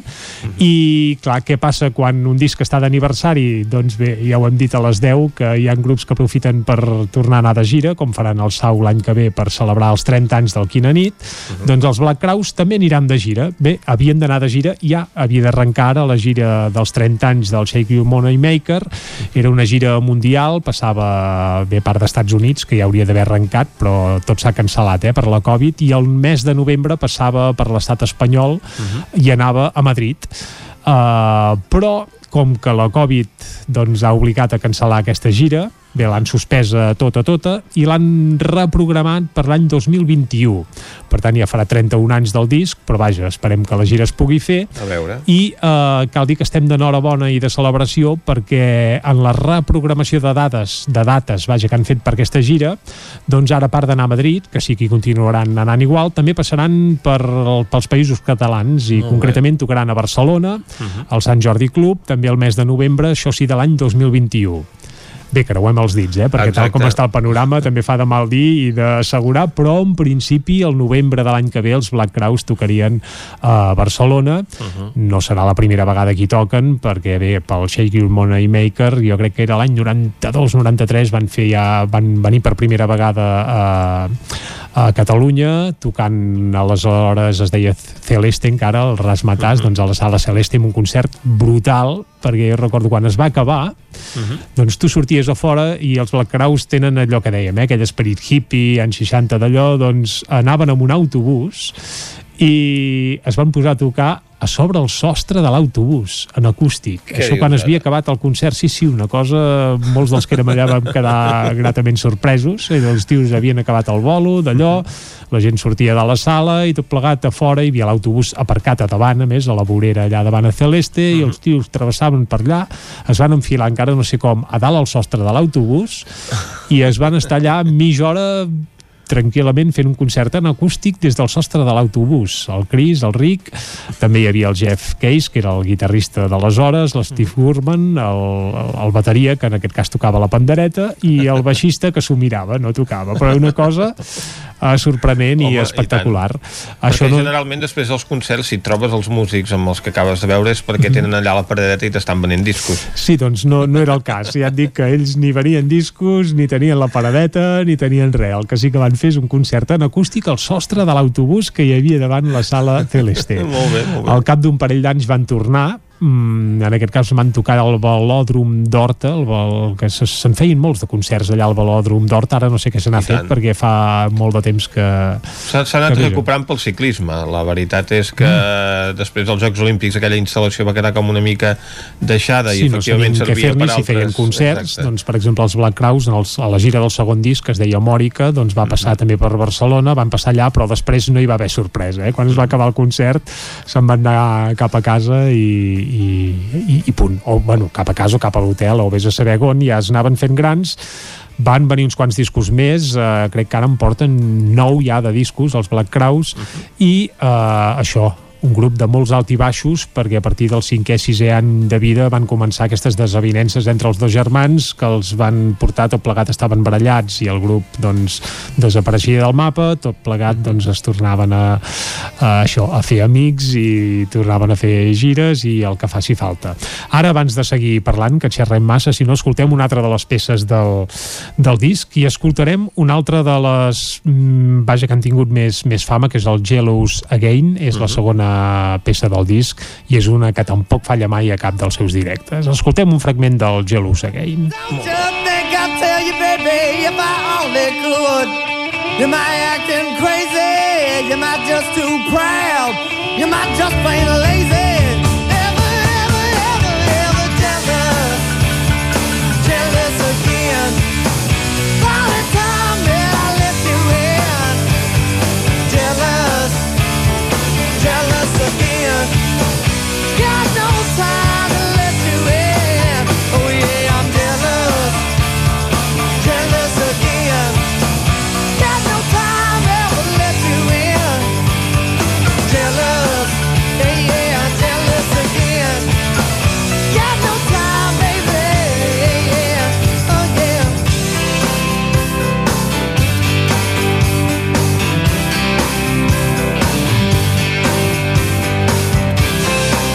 Doncs ja ho veus, els Black Crowes, un grup que ve amb un directe espectacular, uns discos espectaculars, amb formació clàssica, dues guitarres, un el germà, l'altre no, el Cris a la veu, una veu d'aquelles arrovellades, molt personal, amb una posada en escena també espectacular, és a dir, en directe la veritat és que és un autèntic festival, i també portaven un teclista, eh, en aquest cas, sentíem. exacte, amb Hammond i un piano clàssic, per tant no fa sorollets estranys, és a dir, allò que es portava que dèiem dels anys 80, 90, que els teclistes feien de sintetitzadors, eh, sorolls estranys, bé, estranys o divertits o el que sigui, no? Els Black Crowes to tornaven a l'essència, tornaven al que s'havia fet tota la vida, el teclat sonava o a piano o a Hammond i d'aquí no es movia, només tenia aquests dos sons, eh? I les guitarres eh, les hem sentit esmolades, energètiques, però també hi havia algun apunt baladero, diguem-ne. Eh? A És a dir, els Black Crowes també tenien aquells moments de pell de gallina i també se sentia alguna guitarra acústica en alguna peça. I per acabar la secció d'avui anirem a alguna d'aquestes cançons de pell de gallina. Concretament escoltarem el She Talks to Angels. Ella parla amb els àngels. És una cançó Bé, pel que fa a lletres, segurament és de les més eh, bèsties de- d'aquest seu primer disc. Parla d'una noia que estava enganxada a les drogues i eh, que havia de ser mare i després doncs passaven coses, no? Ell es plantejava, ostres, ho haig de ser, no? I la cançó es queda allà amb el dubte, però la veritat és que és una cançó d'aquelles de, de pell de gallina, perquè els Black Crowes sempre ho han tingut, eh? al costat de temes molt energètics, eh, viscerals i, i rockers, doncs han tingut la- l'habilitat també per crear doncs, fantàstiques peces d'aquelles de pell de gallina, de- d'encenedor, de, als Mhm. directes com aquesta amb la qual acabarem la secció d'avui. Sí? Escoltem-los. Doncs vinga, escoltem per acabar aquest She Talks to Angels, recordant que el Shake You Money Maker, el primer disc dels Black Crowes, fa 30 anys, i a més a més això, aquest disc que s'anirà de gira i el novembre de l'any que ve els tindrem interpretant tot el disc sencer de cap a peus a Barcelona. Esperem-ho. Doncs vinga, esperem-ho, exacte. Va, amb els Black Crowes acabem uh, ara aquí a Territori 17, després farem una breu pausa i tornem a dos quarts a un punt descobrint Catalunya. Vinga, fins ara.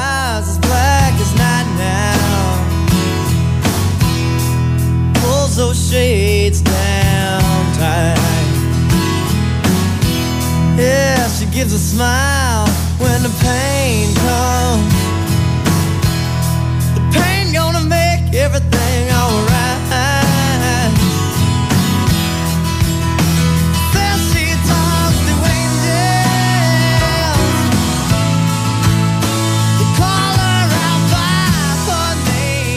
Territori 17. El 9 FM, la ràdio de casa, al 92.8. L'Auditori Teatre de Call d'Atenes presenta Aquelarre, cabaret amb de Feliuetes. El 7 de novembre a les 9 del vespre, Aquelarre, a l'Auditori Teatre de Call d'Atenes. Cocodril Club. Si t'agrada la bona música dels anys 60, 70 i 80, escolta el 9 FM als matins de dissabtes i diumenges d'11 a 1. És el temps del Cocodril Club, tot un clàssic de la ràdio, amb les bases del pop-rock, les llegendes, les cançons que s'han convertit en autèntics himnes. Recorda, dissabtes i diumenges al matí, d'11 a 1, al 9 FM 92.8. Cocodril Club, el programa revival de l'Albert Malla. Hasta luego, cocodrilo. Cobertes serveis funeraris. Els nostres tanatoris estan ubicats en els nuclis urbans més poblats de la comarca d'Osona per oferir un millor servei.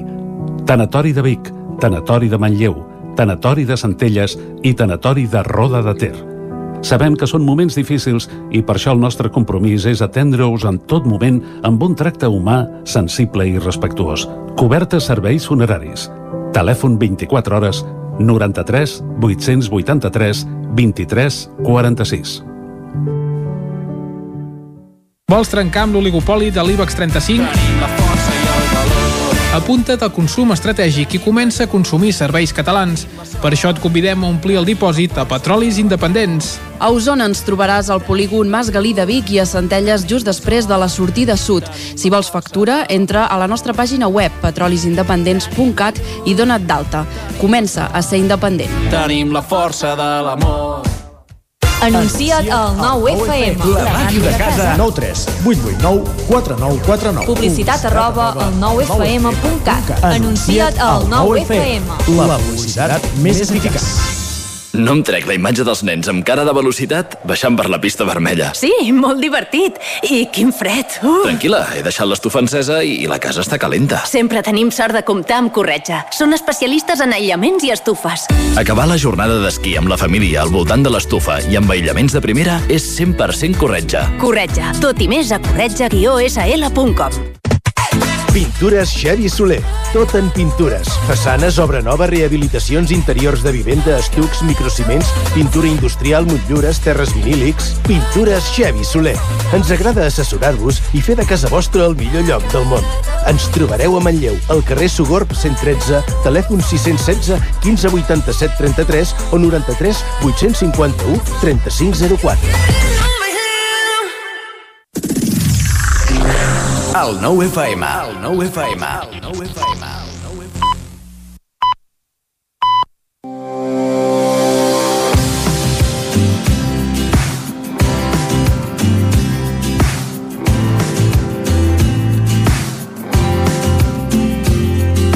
Nova setmana i, com sempre, nova comarca. Aquesta setmana comencem a descobrir la comarca del Tarragonès. Situada al terç meridional de la costa catalana, el Tarragonès és una de les tres comarques que formen el Camp de Tarragona, juntament amb el Baix i l'Alt Camp. Tarragona, la capital de la comarca, conté un ampli ventall d'activitats lúdiques i culturals, des del patrimoni romà i museístic fins als restaurants i activitats de lleure que es duen a terme al port esportiu de la població. Els municipis de la comarca del Tarragonès constitueixen punts d'interès per a una gran varietat de visitants. Ofereixen, entre d'altres, la possibilitat de visitar l'ampli patrimoni de monuments d'origen romà i medieval, aprendre als museus plens de riquesa cultural, passar una bona estona amb família i amics al parc temàtic de PortAventura i el plaer de passejar per la natura i gaudir de les platges del litoral. Aquesta setmana, entre d'altres, us oferirem passejades per l'ampli patrimoni monumental romà de Tarragona, visitar les viles romanes de Sencelles i dels Munts a Constantí i Altafulla, respectivament, admirar l'art de Barà, passejar pels carrers dels nuclis antics d'Altafulla i Creixell, visitar Tarragona durant les festes de Santa Tecla, aquest any. Suspeses, assistir a Tarraco Viva, gaudir d'un dia en família o amb amics al parc d'atraccions PortAventura, visitar el Tarragonès a l'estiu i gaudir de les platges de qualitat que hi ha i fer caminades o anar en bicicleta pels diferents espais naturals que ofereix la comarca. La història del Tarragonès va estretament lligada a la seva capital, Tarragona, que va ser la capital de la Hispània tarraconense. El pas dels romans per la comarca es fa present en tots els monuments i excavacions que encara avui dia mostren els carrers del municipi de la comarca. La vila de Sencelles o tot el conjunt arqueològic de Tarragona són només dos exemples de nuclis monumentals declarats Patrimoni de la Humanitat per la UNESCO l'any 2000. Els vestigis romans que avui dia es poden admirar són només la part que va sobreviure al pas del temps i l'època medieval, en la qual moltes construccions romanes van ser enderrocades per reutilitzar el material.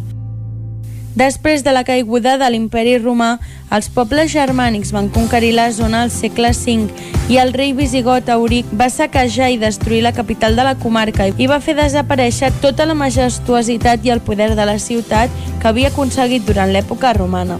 La resta de la història de Tarragona i el seu passat demà al Descobrint Catalunya.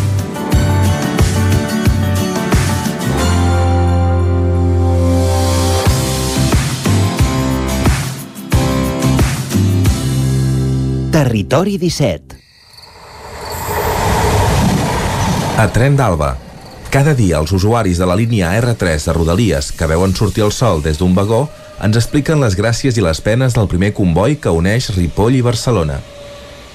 Benvinguts a Tren d'Alba. Doncs avui ja no tenim la Núria per explicar-nos com li ha anat el viatge fins a Barcelona, però us seguirem informant de l'actualitat de l'R3, que continua sent molta i variada. Per cert, avui ens hem despertat amb la notícia que les obres del túnel de Tosses que s'hi estan fent arran d'un despreniment que va provocar que un tren descarrilés el 9 de juliol de l'any passat, doncs resulta que potser no s'acabaran el pròxim 7 de febrer tal com estava previst. Quina novetat! No em digueu que us heu sorprès d'escoltar aquesta notícia. Resulta que, segons ens informen els nostres companys del 9-9, es va cancel·lar una visita d'obres programada amb el subdelegat del govern, segons va explicar el president del Consell Comarcal, Joaquim Colomer. I ja us dic jo que no és pas pel coronavirus, sinó que sembla que el culpable és un retard en les obres, que van començar el 22 de juny i poca cosa més se'n sap. Sembla ser que mentre s'estan produint els treballs, s'haurien produït tres esfondraments a l'interior del túnel per la mala qualitat de la roca, i l'últim va ser fa pocs dies. Si això li sumes que els mesos d'hivern són els pitjors per fer les obres per la humitat, el fred o la pluja, doncs anem malament. Si haguessin començat a l'inici de la primavera, que és quan tocaven, ara ja gairebé estarien acabades, però no. En fi, ja ho veieu que no ens dona temps a avorrir-nos. Va, ens retrobem demà i recordeu que ja portem un retard acumulat de 4 hores i 58 minuts des de l'inici d'aquest mes de setembre. Territori 17. Doncs això que explicava ara mateix l'Isaac Muntades, ho he vist que ho escrivia el Vicenç Vigues al 9-9 d'avui, eh? Que, vaja. N'anirem traient l'entrellat de, de tota aquesta situació del túnel de Toses, que evidentment sembla que és complicada i que les obres van per llarg. Sí, uh, havíem parlat de que al febrer això s'acabaria mm -hmm. i em sembla que pel febrer el més calent estarà a l'aigüera. Bé, calent no, perquè estarà tot molt fred en aquelles Exacte. èpoques, però vaja. I, i de fet en aquelles èpoques doncs, eh, segurament els habituals esquiadors que utilitzen la línia per anar fins a la Molina doncs no tindran aquesta necessitat perquè probablement la situació no ho permeti. Bé, ja veurem com va la temporada d'esquí també, Exacte. marcada per la pandèmia i què es pot fer, què no. De moment el que sí que es pot fer, esportivament parlant, són les competicions professionals i d'això parlarem ara a la tertúlia esportiva. Ens hi capbussem? I tant. Doncs anem-hi.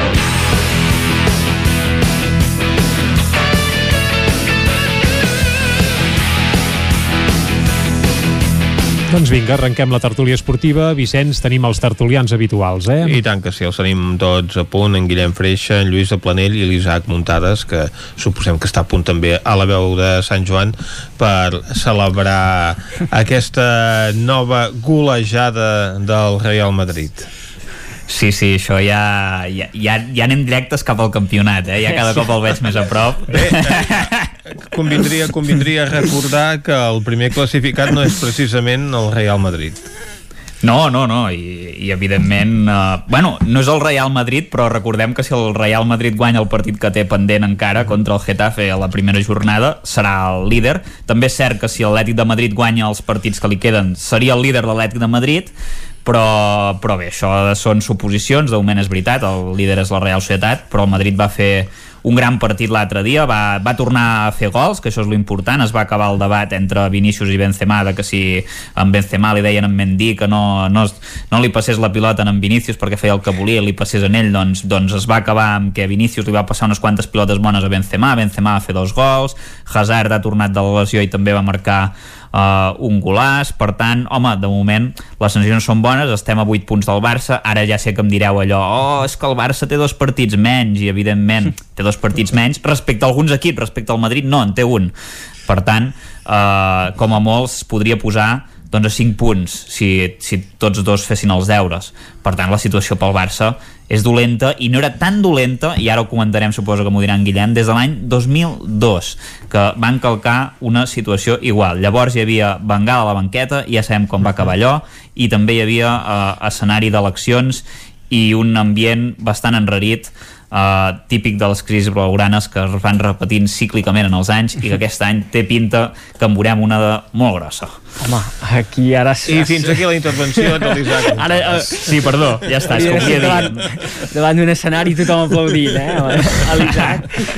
No, aviam, la situació del Barça a la Lliga està clar que no, no és ni, ni agradable, ni desitjable, ni, ni, ni massa habitual, i, i el, el fet és aquest, no? Que com bé recordava ara l'Isaac i també han, han apuntat diversos mitjans de comunicació aquests dies, doncs des del 2002 que no es produïa i tots recordem no? aquella època del 2002 amb, amb Bengal, amb Gaspart a la, a la llotja, que eren uh, èpoques força fosques, travessies del, del desert en l'època moderna, podríem dir, perquè anteriorment ja n'hi havien hagut fins i tot de més, de més llargues el Barça a la Lliga mm, no sé què li passa la, la veritat, em, em costa trobar-hi una explicació perquè sí és veritat que s'empata el camp de l'Alavés però la sensació tampoc és de, de fer molta llàstima. Sí que és això, eh? No hi ha l'encert de, de guanyar el partit, però també hem de pensar que hi ha una errada eh, en, en la porteria, no? Um, la passada cap a Neto, que es fa un embolic amb les cames i el, el davanter de l'Alaves ho aprofita i, i marca.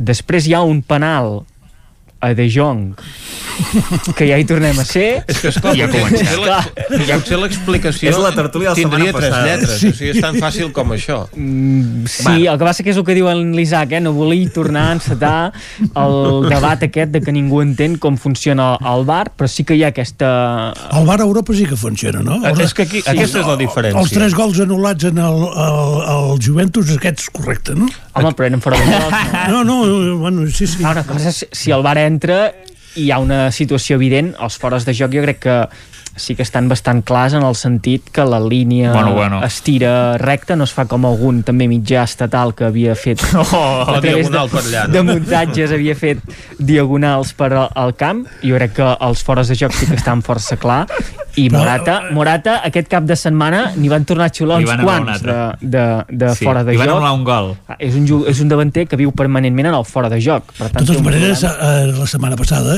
sí. dèieu que l'agafada de la samarreta d'en Ramos, Ramos no n'hi havia com per, per marcar penal, perquè se'n produeixen moltes en, quan es eh, surt eh, un corna, no? Quan es treu un corna. Doncs amb empentes com les que van fent De Jong Però per què no entra? tam- també se'n veuen moltes, no? De, sí, però per què? Durant, perquè, perquè com que se'n veuen tantes, doncs no, és penal i per tant no, no cal entrar-hi. Jo crec que aquí és on anem al problema. Per què en una setmana s'hi entra i en l'altra no? per què molt una acció um, d'una manera s'actua i s'ensenyen vermelles o se'ns es xiula en penal i en d'altres no? I això és el que no puc uh, entendre.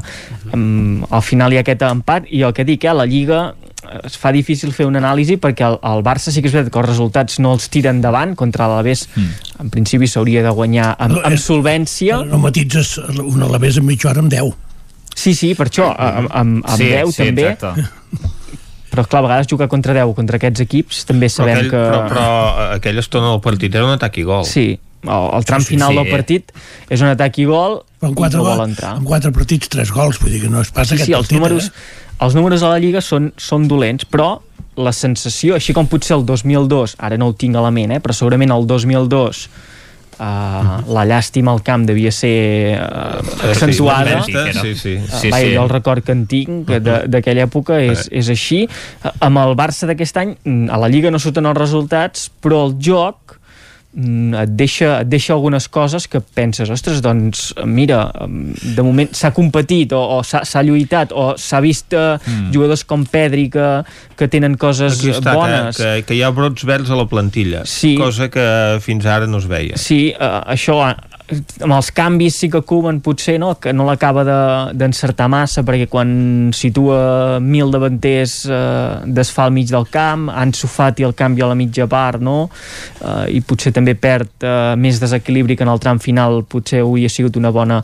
una bona arma i per contra a la Champions et trobes un partit com el dia del Juventus uh -huh. que dius, ostres, doncs aquest és un Barça que m'agrada, és un Barça que, que competeix molt bé eh, contra un rival eh, d'entitat com és la Juventus. Que va estar horrible.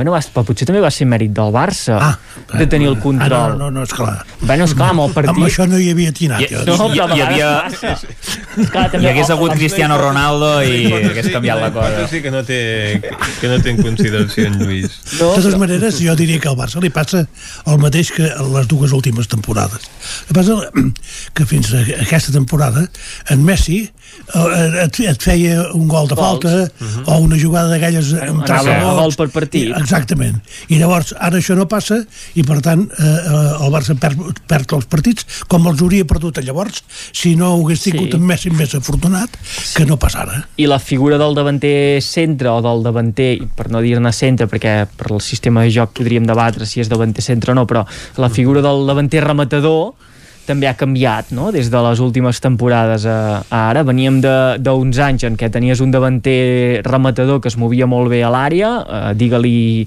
podríem anar-nos en enrere fins quasi bé a l'època de eh, Eto'o, de Villa, eh, ara els últims anys eh, Luis Suárez, i potser ara mm, hi ha més mobilitat al davant i no tens aquest jugador que es troba molt bé a l'interior de, de l'àrea petita perquè veiem a Messi que s'hi situa però en surt Griezmann que arriba però no transforma Ansu Fati que també no, eh, es va, va caient a les, a les bandes i, i juga més potser en una funció com, com extrem i tot això doncs, també té influència en el rendiment, en el rendiment golejador.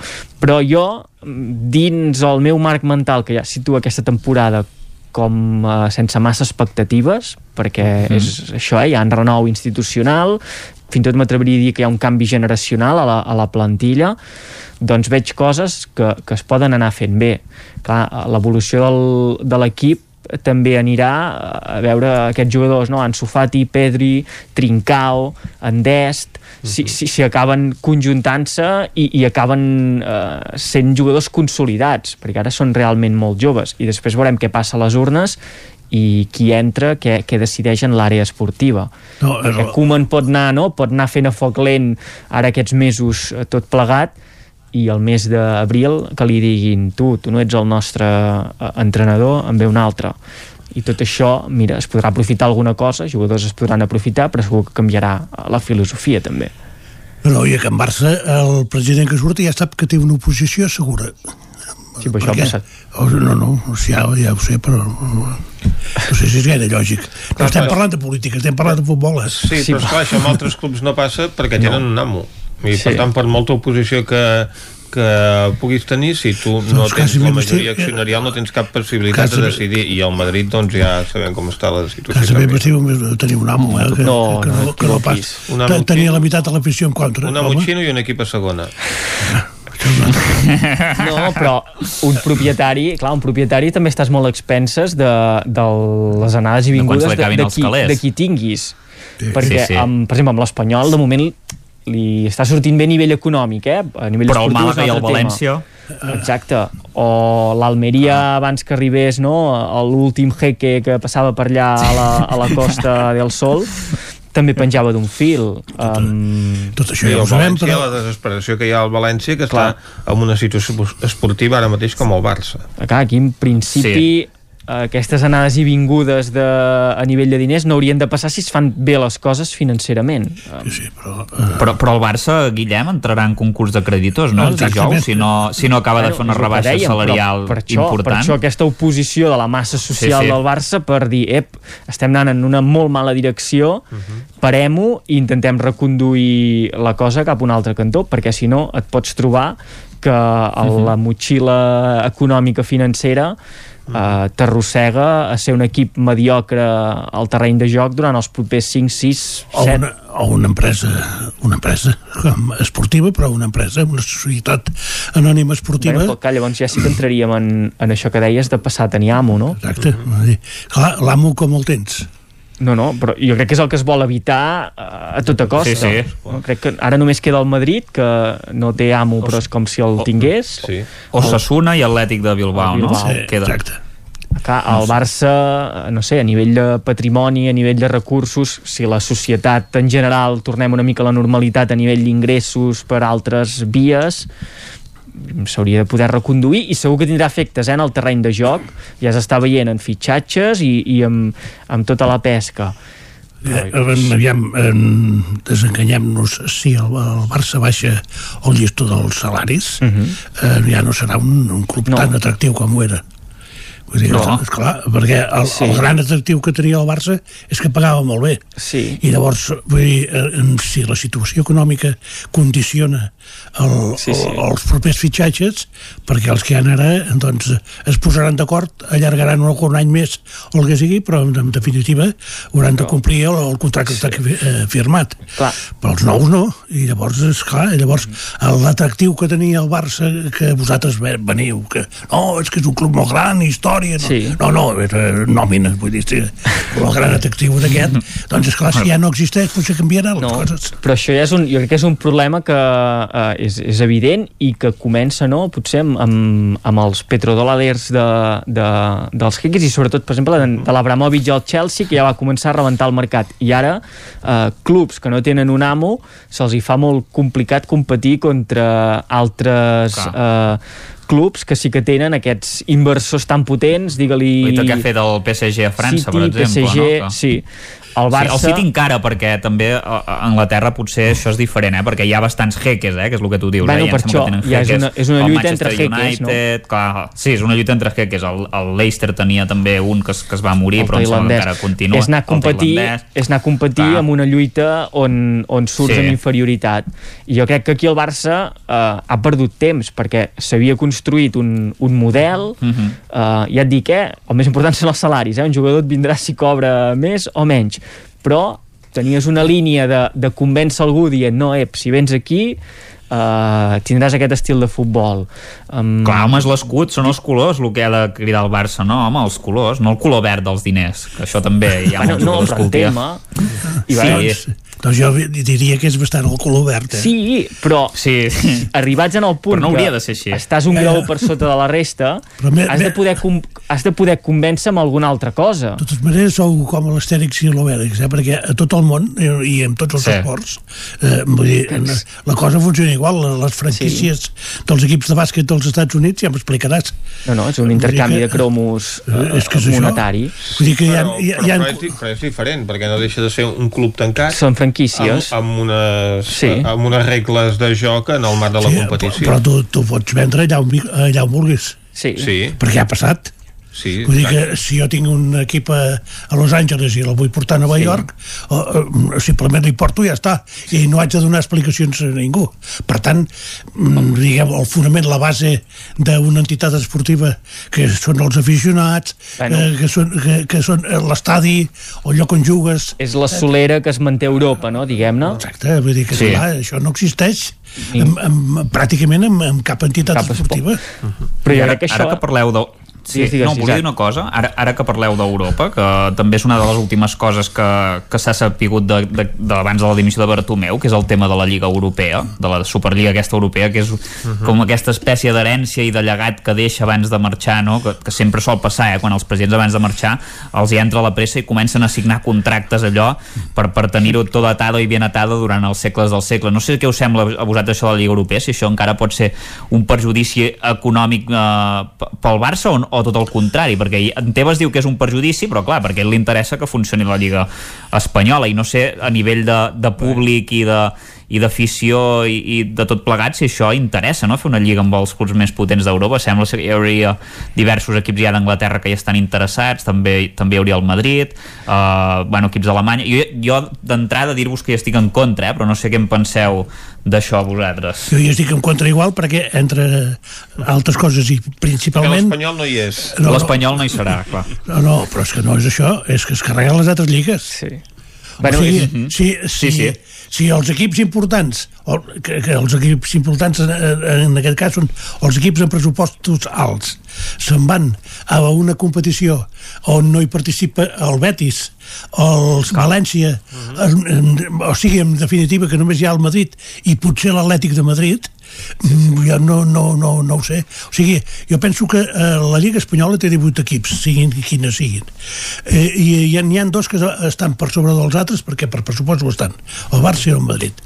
I el, els altres 18 competeixen en una, eh, una competició que ja saben que normalment el primer i el segon lloc no hi poden accedir. Uh -huh. I van pel tercer. Però, i- però participen en una lliga atractiva i on precisament un, do, eh, un dels atractius és, és, és prendre-li punts al Barça i no al Madrid. Sí, bueno. bueno. clar, Mm. si el Barça i el Madrid eh, se- se- se'n desmarquen, ja no hi són, o hi són d'una altra manera, sí. aquesta lliga perd eh, un dels grans atractius i per tant, jo, i això passa eh, aquí, passa a Anglaterra, i passa a Itàlia, i passa a Alemanya. Llavors, desvirtues les lligues, diguem, tradicionals, les centenàries, per fer una lliga europea que, en definitiva, què serà?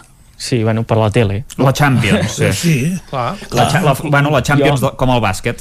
un grup tancat de clubs doncs, que faran el seu negoci a partir d'aquí. Però Aquí, per La exemple, NBA. aquí el, el quart participa a la Champions. Amb la Lliga Europea, el quart de la Lliga Espanyola, no anirà en aquesta competició. No, no. I llavors quin atractiu tindrà eh, la, la Lliga, diguem, domèstica, sí. si el quart classificat no té un premi?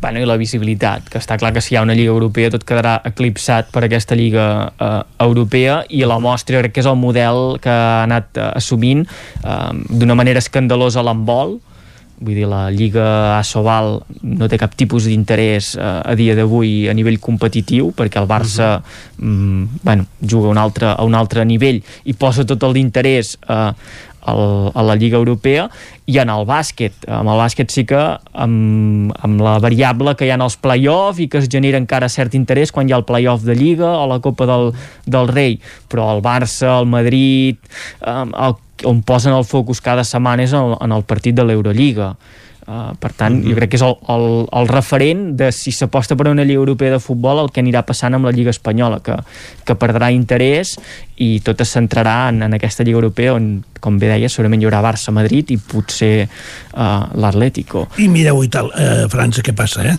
Amb els drets de televisió, Media Pro ja, ja no vol pagar el que pagava. Bueno, I clar. si els drets de televisió cauen en picat, eh, veurem què passaran aquí, amb, no solament amb els clubs grans, i també, sinó també amb els petits. Mm, clar, perquè França és l'exemple més clar que sí que hi ha un, un únic no, dominador, que és el PSG, i la resta podríem dir són comparsa eh, competitiva. El PSG és un equip clarament construït per anar cap a la Lliga També Europea. darrere, no? També, també. Potser Anglaterra sí que és veritat que com que tenen aquest lligam de proximitat amb, amb el club de la seva ciutat, doncs la gent potser també són una mica fets a la seva els anglesos i potser dirien, tu, si el City se'n vol anar a fer el, el, el fatxenda per allà a Europa, que hi vagi, doncs nosaltres continuem anant a, als camps i continuem pagant l'abonament i tal i qual jo crec que en la resta de, de països llatins sí que pot passar això, eh? que, que no es pugui participar en la bossa de, de, de diners que, que hi ha ara sobre la taula en les lligues domèstiques i que tot baixi en, en picat. eh, Jo, jo penso que la visita del Betis i la visita del Sevilla i la visita del València doncs és més atractiu que perquè eh, aquesta lliga se- serien de, de 18 clubs a, a nivell europeu. Doncs, esclar, també n'hi ha algun de segona fila. I, i, i perquè no, no, no hi ha 18 equips a l'èlit. No. Per tant, una vegada eh, treus aquests 5 o 6 o 7, eh, llavors també tens, tens partits d'un- d'una transcendència relativa i d'un interès encara més relatiu. I llavors, vull dir, no, no, no veig per què amb això t'has de carregar les, les lligues pròpies, unes lligues centenàries, unes lligues que tot arreu han estat funcionant fins ara. El que passa és que, esclar, eh, ja, ja, ja ho entenc que, que com més calés rebis millor, però és que ja, hi haurà un moment que no sortiran ni futbolistes. No, i demà, demà pots saltar pels aires a Europa al Madrid, no? Potser? O, o quedar penjant d'un fil, si, si perden amb... No, poder no jugar el partit perquè ara s'ha sapigut que Militao ha donat positiu en coronavirus no, però de, deixant davant d'aix- deixant davant d'això sembla que els altres no estan, estan tots bé, per tant en principi sí que però bé, també l'Inter em sembla que té una baixa important que és el cas de del Lukaku que és Però això sí que és immediat. El Barça té, té, és una cursa de Sí. fons, la Lliga, però Europa... Sí, bueno, no, però jo crec que el Madrid és preocupat, capaç... és capaç de guanyar els dos partits contra l'Inter. Sí. El Hazard ho va dir l'altre dia després de, del partit contra, bueno, contra el Huesca, que, que l'any passat em sembla que el Madrid va començar igual, la Champions, que va fer un punt de 4. Ara jo no, no ho tinc al cap, eh, però, però, però ell deia que havien començat exactament igual, ho hauria de mirar, però em sembla que sí que, que em sona que sí, que també va començar la cosa bastant fluixa, i es va acabar classificant, vull dir. Uh, bé, és, és, el, és un partit clau, evidentment s'ha de guanyar ara sí que, que s'ha de guanyar per, per anar bé però el grup està apretat vull dir que en principi i, i, si, i si no hi quedem eliminats pues, quedarem tercers, anirem a l'Europa League i la guanyarem, que també fa il·lusió no? que és un títol que no tenim a les vitrines i mira, s'ha de veure el cantó positiu de les coses a vegades, eh? Vull dir, no, no, no tot és dolent és que vosaltres sempre veieu les coses negatives del, del Madrid Se'ns acaba el temps. Uh, avui, per cert, aquest matí ha mort Tony Brinslot, el que era ajudant de Johan Cruyff. El de la mà, no? No és el que feia així el dia del 5 a 0 allà al Camp Nou aixecant la mà? Exacte, ha mort de, de càncer als 73 anys. Una, una figura també recordada en l'època del Dream Team al Barça. Lluís de Planell, Isaac Muntades Guillem Freixa, hem de tancar aquí aquesta tertúlia. Moltes gràcies per acompanyar-nos avui. A vosaltres. I nosaltres ara posem el punt i final al territori 17 d'avui.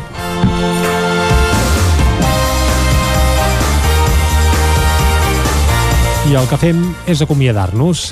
Ah, efectivament, acomiadem aquest territori 17 d'aquest dilluns, un programa que hem fet Clàudia Dinarès, Isaac Muntades, David Auladell, Jordi Givert, Pepa Costa, Gemma Permanyer, Isaac Moreno, Òscar Muñoz, Esther Rovira, Núria Lázaro, Natàlia Peix, Ignasi Serrat, Jordi Sunyer i Vicenç Vigues. Nosaltres tornarem demà, com sempre, des de les 9 del matí i fins a les 12 del migdia. Adeu. Siau.